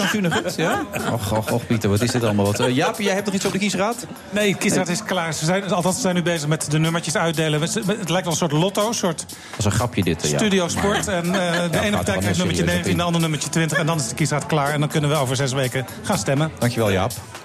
Nou, goed. Heel fijn dit allemaal. Zometeen hebben we ook muziek trouwens. Toch? Hij staat nu al een beetje te spelen. Hè? Ja, goed. Paul de Munnik zo meteen in deze uitzending nog. Pieter, tot de volgende keer. Goed dat je er was. Je moet een keer co-host worden, man. We liggen, liggen wel met een deuk met z'n tweeën. We hebben een deal. Ja, bij deze. Heel goed. Paul de Munnik zo meteen na de reclame. Tot zo. BNR Nieuwsradio. The Friday Move. Today I am keeping another promise. Ik geneer me in hoge mate. Ik vind het vreselijk. Dit is de grens. De interne processen zijn niet op orde. We do not believe in walls. Omdat dit discriminatie is op basis eh, van afkomst. Stem. Wilfred Genee. Met de Friday Move live vanuit de Sky Lounge. Doubletree bij Hilton Hotel in Amsterdam. Jasmina Abu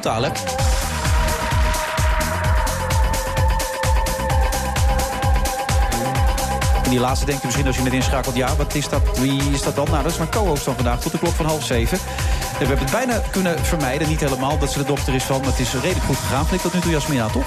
Ja, Ja, viel mee, toch? ja, we hebben het er wel over gehad, maar eh, niet, te veel. Niet te dominant. Precies goed. En inmiddels theatermaker en zanger Paul de Munnik aangeschoven. Hi, goedemiddag. Hi.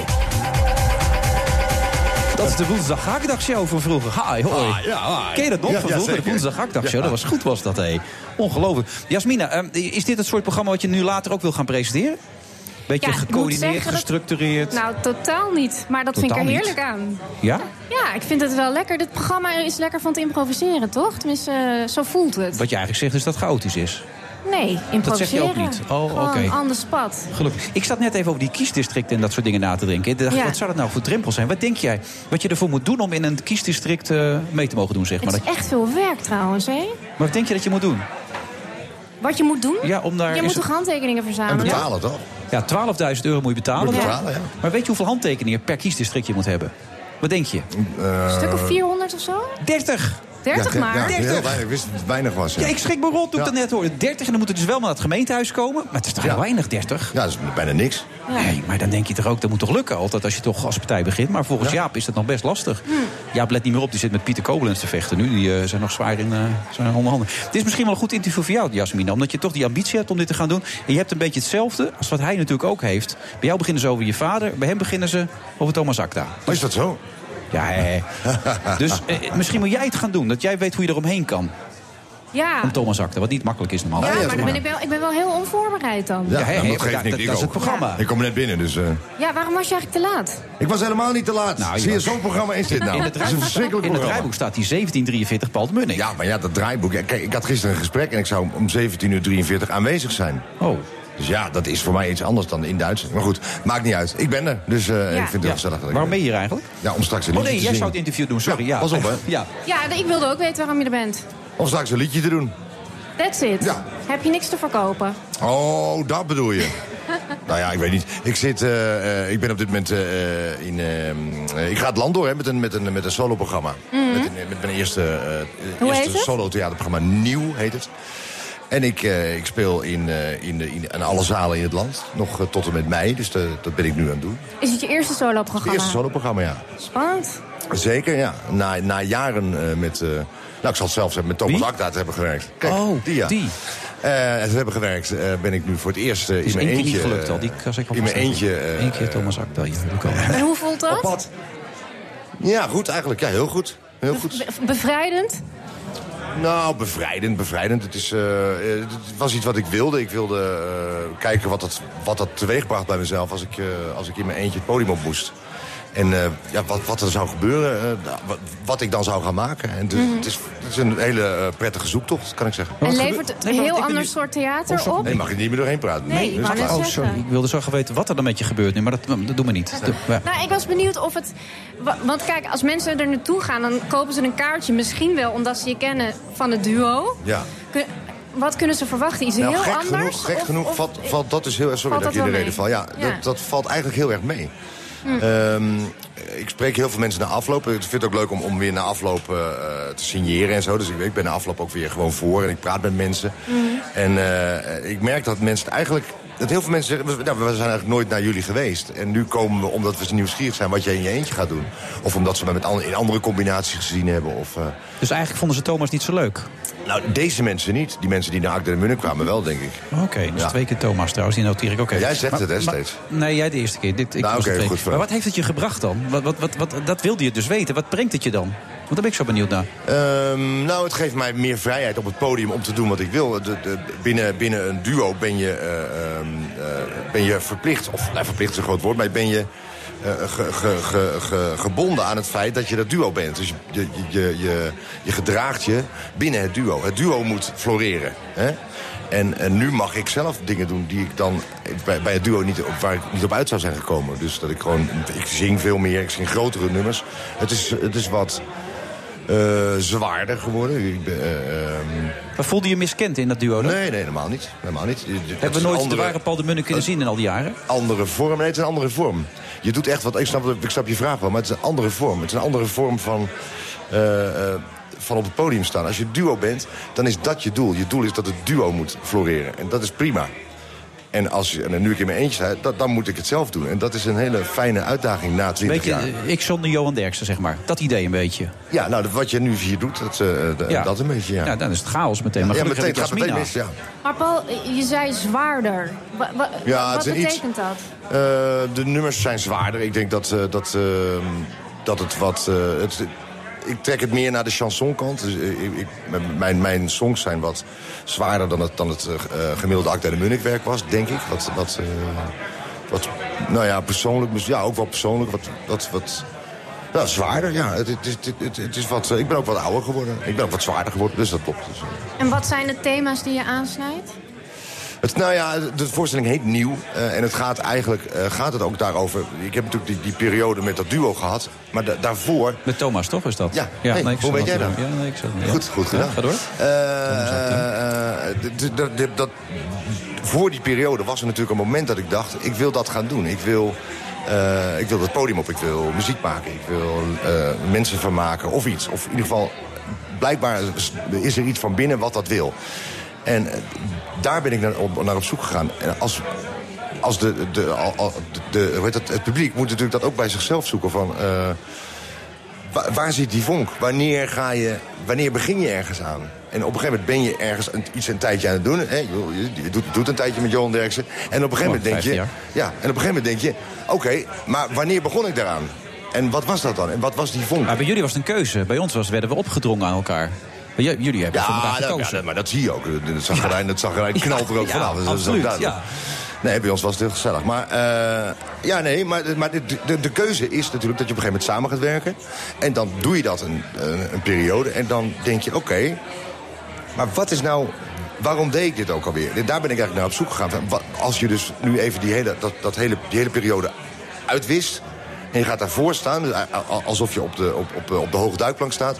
en je denkt, oké, en toen, ging, toen sprong ik. En als ik, als ik nu zou springen, wat zou er dan gebeuren? Wat zou, waar zou ik dan instappen? Dus dat is een soort e- echt het nieuwe begin. Dat je altijd de mogelijkheid hebt om opnieuw te beginnen. Dat, dat, dat is eigenlijk waar de voorstelling over gaat. Ja, ik zit allemaal van die boeken te lezen. Het gaat over je persoonlijke visie. Maar dan wil je nu ook weer ergens naartoe voor jezelf. Waar wil je dan naartoe? Of zit je gewoon in het nu? Wil je het gewoon ervaren alleen maar? Ja, eigenlijk wel. Ik, ik heb niet, zo, niet zozeer waar ik naartoe wil. Ik, wil ik, ik, ik ben onderweg om een, eh, om een, eh, om een, om een theaterzanger te worden. En, en, en ik wil graag daarbij verhalen vertellen. En daar, ja, ik wil daar gewoon zo goed mogelijk in worden. Ik vind het heerlijk om te doen. Dus dat ja. is wat, wat Terpstra helpt jou in, je, in het ontwikkelen van heeft je... mij geregisseerd in deze. Ja. Ja. Om jouw stijl verder te ontwikkelen. Je hebt het al gezegd, het zijn wat zwaardere nummers. Wat zou jouw stijl kunnen zijn? Hoe zou je dat kunnen vangen? Nou, het grappige met Koos is... eh Koos is eigenlijk een toneelregisseur eh, van oorsprong. Toneelregisseur, toneelschrijver. Hij heeft ook wel... Hij heeft de la- laatste periode eh, ook veel cabaret ook geregisseerd. Ook uh, Levens en Jans altijd geregisseerd. En doet nu Erik van Sauers ook. En, ehm, en hij is naar mij gaan kijken en heeft gezegd... ja, maar je moet eigenlijk... Bijvoorbeeld met mijn nummers. Ik dacht, nou, met mijn nummers kom ik wel weg bij Koos. Dat, dat lukt mij wel, want ik weet hoe ik een liedje moet zingen. En juist daar ging hij op in. Juist daar heeft hij me getriggerd om scherper te worden... dan dat ik, dan dat ik oorspronkelijk was. Ik was eigenlijk te makkelijk aan het Nou, worden. geef het gelijk aan. Je had het gelijk dus nu door dat je dit inderdaad... Dat kan ik wel en dan gaat het mis inderdaad. Dat is ook goed ook. Dat is toch fijn? Dat lijkt ja, me is heerlijk. Ja. Dat is te gek. Dat is te gek. Eh, eh, Hou je van de muziek eigenlijk? Van, van het verleden of niet? Of, of ben je niet zo... Van het duo bedoel Ja? je? Ja, natuurlijk. Het zijn hele fijne... Veel, tenminste, de, de- meteen de meezingers komen bij mij naar boven. Ja, ik heb jullie ook wel eens in het Vondelpark Theater gezien. Dat Oh, is leuk. heerlijk. Ja. Leuk, hè, ja. Heel dat was leuk. heel leuk, ja. Ja, Zeker. ja. Maar dat mis je niet, want alles is anders nu. Nee, nou, nee het, het was heel leuk, maar dat, dat mis ik niet per se. Nee. Wat ga je zo meteen brengen? Weet je wat, gaan, ja, ik, wat ga je zo brengen? Ik ga een liedje brengen en dat heet Dan Denk ik aan jou. Mooi. Nou, nou ja, ik vind, ik de titel al mooi. Maar Ik vind de naam wel al heel mooi. Ja, je had hem geschreven kunnen hebben in jouw mooie columns, toch? Waarom niet? Ja. Ja, lijkt me ook. Ja, zij kuste het asfalt van de week. Vind ik zo mooi zin, inderdaad. prachtig, prachtig. Maar dat was wel heftig allemaal. Ja, met de dat auto die door rood reed en enzovoort. Zometeen Paul de Munnik in deze uitzending. Tot zo.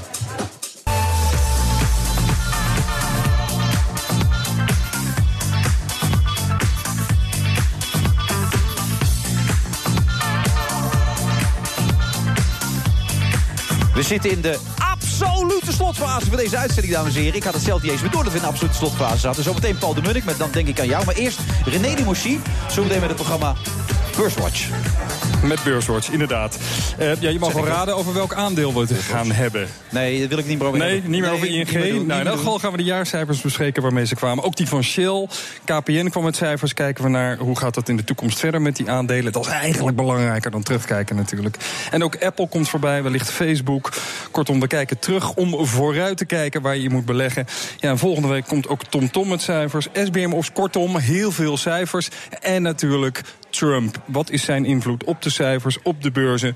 Wat zijn zijn economische plannen en hoe politiek haalbaar zijn die? Dat is voor beleggers belangrijk. Daar gaan we het ook over hebben. En dat doe ik met Martine Hafkamp van Vintessa Vermogensbeheer... en Hendrik Jan Davids van de Blauwe Tulp Wealth Management.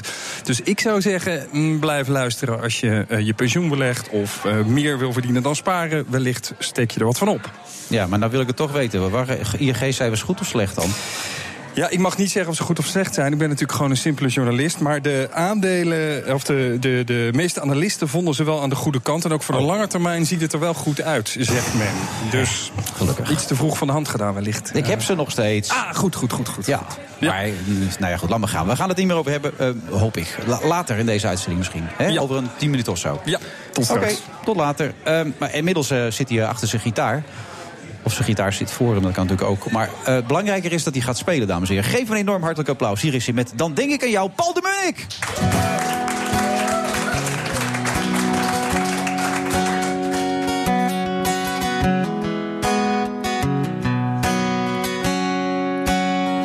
Denk aan mij als de haan weer kijkt. Denk aan mij als je nog Als de wind zacht de gordijnen opwaait. Allang vergeten van de kou. Dan denk ik aan jou. dan denk ik aan jou.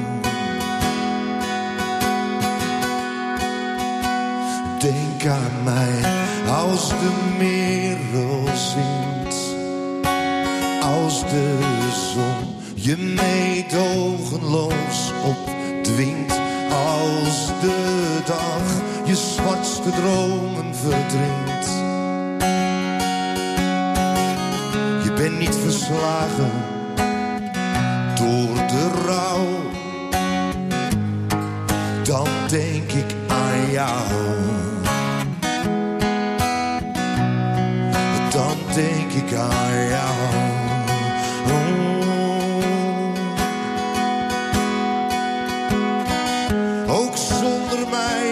Leven door. Dus je gaat er maar voor.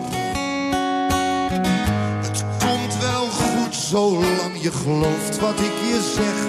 En ga je eigen weg.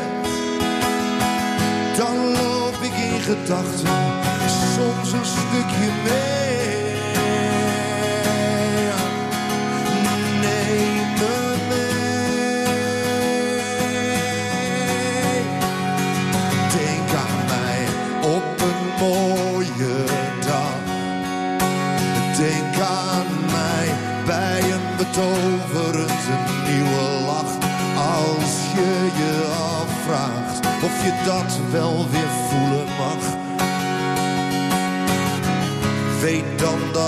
Alleen maar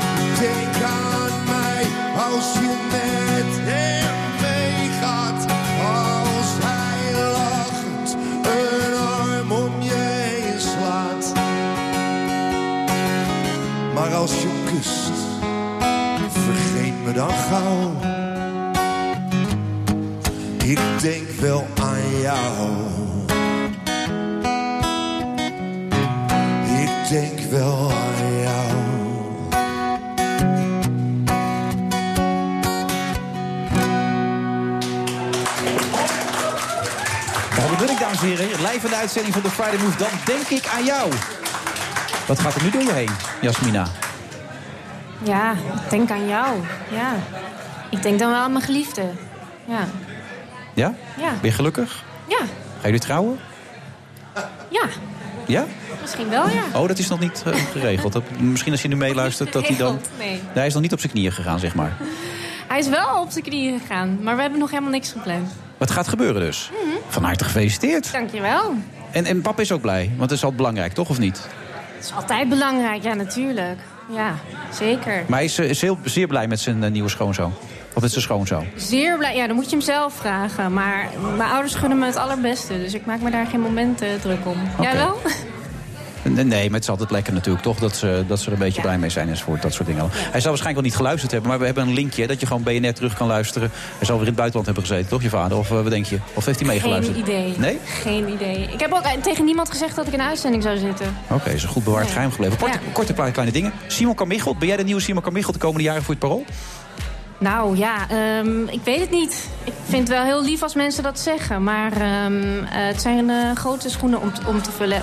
En ik heb ook wel iets andere stijl, denk ik. Maar, eh, Maar nee. het lijkt wel een beetje op de kronkel, toch? Ik bedoel, in dat opzicht. Beetje wel, beetje wel, dat is waar. Hij heeft de traditie wel heel mooi neergezet, ja. Daar maak ik heel dankbaar gebruik van. Remco Kampert heeft je een briefje gestuurd... dat je misschien wel een roman moet gaan schrijven. Gaat dat gebeuren? Ja, wie weet. Ja, ik heb geen plannen waar ik nu al mee bezig ben. Maar in mijn achterhoofd denk ik wel... het zou wel mooi zijn als het er ooit nog van komt. Geweldig ja. toch als Remco Kampert je een briefje schrijft. Ja, geweldig. Lijkt me Het is- Hij is fantastisch. sowieso fantastisch, ja. Ik weet niet of je die documentaire hebt gezien eh, laatst. Nee. Eh, over eh, ja, zijn ouderdom en hoe die nu nog eh, eh, stevast elke dag aan het tikken is. Ik heb er heel veel bewondering voor. Grootheid inderdaad, ja. Ja. En tenslotte, je vader begon ooit als journalist. Is Ja. nu politicus, burgemeester. Is dat ook jouw pad? Eh, nee, ik ben wel politicoloog, dus mensen Ja. vragen dat heel vaak. Eh, maar gelukkig hoef je dan geen politicus te worden. Het is geen opleiding om uh, politicus te Maar het worden. zit niet in je hoofd. Je wilt gewoon lekker Ik die blijf lekker radioshow. journalist hoor, mensen. Nee, Ze kunnen gewoon bellen voor die radioshow. tuurlijk. Oké, bij Altijd. deze. Jasmine, Ja. hartstikke leuk dat je er was. Ja, bedankt dat ik er mocht zijn. En succes en pas een beetje op als je wegfietst hier, hè, zo meteen. Ja, zal ik doen. Gewoon, zal ik ook doen. als ze rood zijn, aan de andere kant. Even ik heb nog lichtjes kijken. op de fiets, komt goed. Goed dat je er was. 2,5 uur lang hier, Jasmina Abu Taleb. Daar gaan we nog veel van horen, kan dan niet anders. Volgende week zijn we er weer met een nieuwe uitzending van eh, deze Friday Move. Ik weet niet eens waar zitten we eigenlijk, dat weet niemand waarschijnlijk. Eh, hier zitten we weer. Oh, wat leuk man, we zitten weer in de Skylands. Wilt u weer langskomen zoals al die mensen hier in grote getalen hebben gedaan? Doe dat dan vooral volgende week vrijdag hier in het Hilton. Tot dan. Dag. Today I am keeping another promise to the American people. Dit is de grens. Wat wij zien is dat een groot deel van de scholen het beeld herkent dat het niet goed gaat met de integratie in de samenleving. Interne processen zijn niet op orde en ze worden niet rechtgezet als het gemeld wordt. Nou, ik geneer me in hoge mate. Ik vind het vreselijk. Het is ranzig, het is krabbeus, het is eh, afschuwelijk. First and probably most important is volume. EA Sports. We zouden eigenlijk moeten zeggen, we hebben hier gewoon een, een grotere opvoedingsopgave. En We hebben ervoor gekozen om dat niet iedere dag eh, te monitoren. EA Sports. What's so hard about that? Op het moment dat er sprake is van fraude en, en zwendel en dat soort zaken... nou, dat soort mensen weten wel dat ze kwaadwillend zijn. De betrokkenheid van de bevolking moet zich realiseren dat in die tijd de steun onder de Nederlandse bevolking, dat bleek dan uit enquêtes, zeer, zeer hoog was. Nee, eh, u heeft niet te veel betaald. Eh, dat was de situatie... eh, We do not believe in walls and on bans. We believe that things have to be managed together. This is the European way. Stem EA Sports. Nou ja, als je dat georganiseerd kijkt, dan is de Belastingdienst de aankomende jaren eigenlijk alleen maar interviews aan het houden.